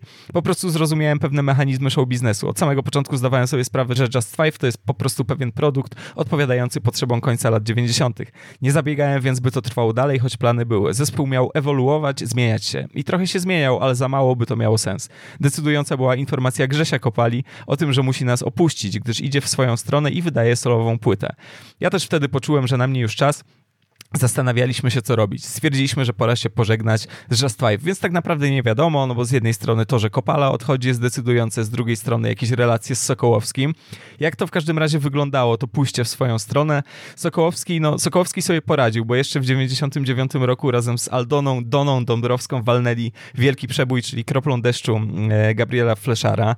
On też pracował z Alicją Bachledą Curuś, ze Stachurskim, miał kolejny pomysł, kolejny projekt, już rok 2000 i Maja Kraft, czyli polska Britney, to już było tak totalnie cyniczne. To było chyba jeszcze bardziej cyniczne niż Just Five jako polscy Backstreeci. Od dłuższego czasu jest mało aktywny, chociaż kilka lat temu napisał dla Michała Szpaka między innymi. Ma obecnie Sławomir Sokołowski 6, 67 lat, czyli no jak wspólnie policzyliśmy, nieco mniej od Grzegorza Kopali, ale, ale niewiele. Jeśli chodzi o Bartka Wronę, no to e, no, był to młody człowiek, który dobrze się zapowiadał i, i, i jak wielu takich młodych ludzi, którzy się dobrze zapowiadają, e, polski showbiz e, jakoś tam ich zmarnował e, po drodze.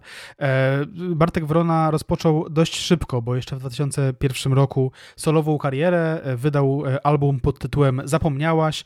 E, album nie był specjalnym sukcesem. W 2005 roku była kolejna płyta, która nazywała się Jedna na milion i tam już były jakieś hiciorki, które sobie tam wskakiwały do rozgłośni.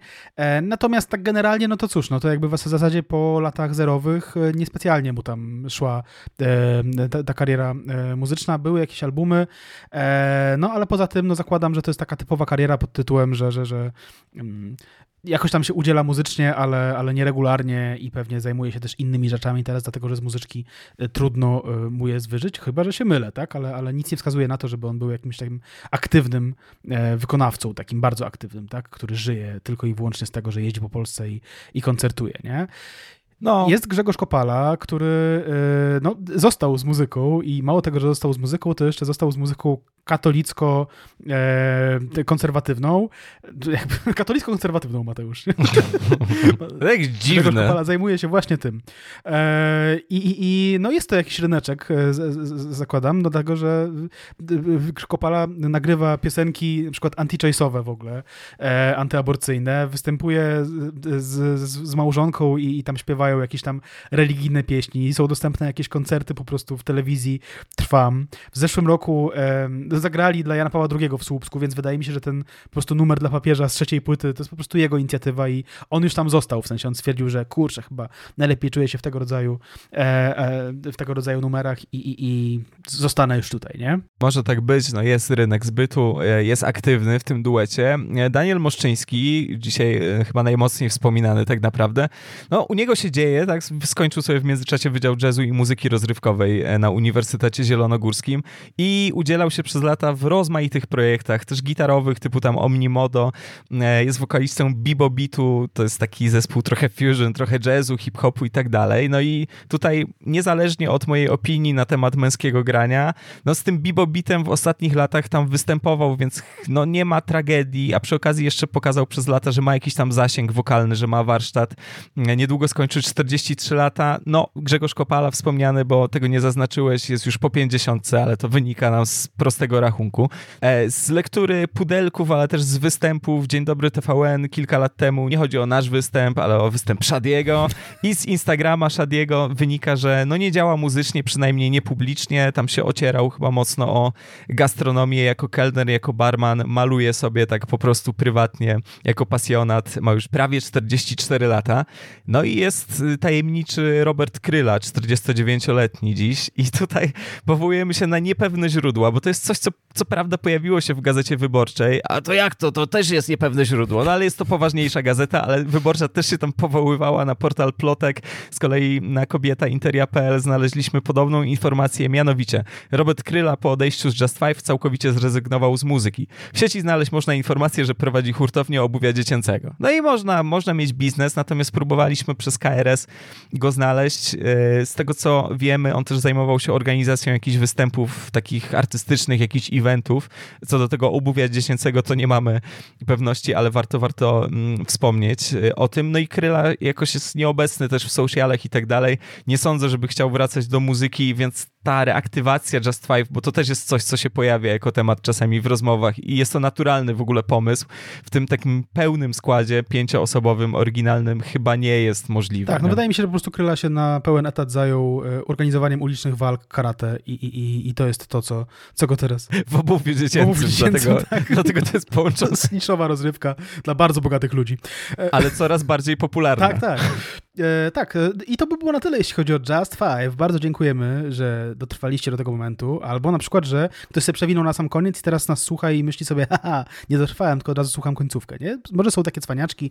My ich też pozdrawiamy, pozdrawiamy wszystkie osoby, które nam patronują e, w serwisie Patronite. Dziękujemy bardzo Małgorzacie Halber za udział gościnny e, w, w, w, w, tym odcinku. No i dziękujemy chłopakom z Just Five za to, że mogliśmy nagrać ten odcinek i, i proszę Państwa, dziękujemy też Backstreet Boysom za to, że że, że byli po prostu. Mi się wydaje, że gdybyśmy my byli Backstreet Boysami, w sensie gdyby podłożyć chłopców z Backstreet Boys pod nas, to, to wydaje mi się, że tobie byłoby najbliżej do, do, do na przykład, Aleksandra McLeana, tak, tak, tak, tak, tak. Jeśli chodzi o look, nie? A mi, mi do Nika Cartera w sumie. Tam jeszcze Kevin był brunetem chyba. Tak, e, tak, tak, tak, mi się wydaje. Tak, no może Kevin. E, tak, ale to ustalimy. Albo z, po prostu zrobimy taki zespół jak e, Break Express, nie? Tak. I w duecie będziemy zapierniczać. Napiszcie w komentarzach, kim jesteśmy z Just Five. I jeszcze na koniec y, zapraszamy was do naszego sklepu na pozdrawiam.net, bo wjeżdżają y, nowe szaliki podcasteksowe. Nowe i pierwsze, nie? Nie było starych szalików podcasteksowych, to są pierwsze, a zarazem nowe, także polecamy wam serdecznie, dziękujemy, hej ho, do usłyszenia. Cześć. Podcast przygotowali Bartek Przybyszewski i Mateusz Witkowski. Czytał Tadeusz Drozda.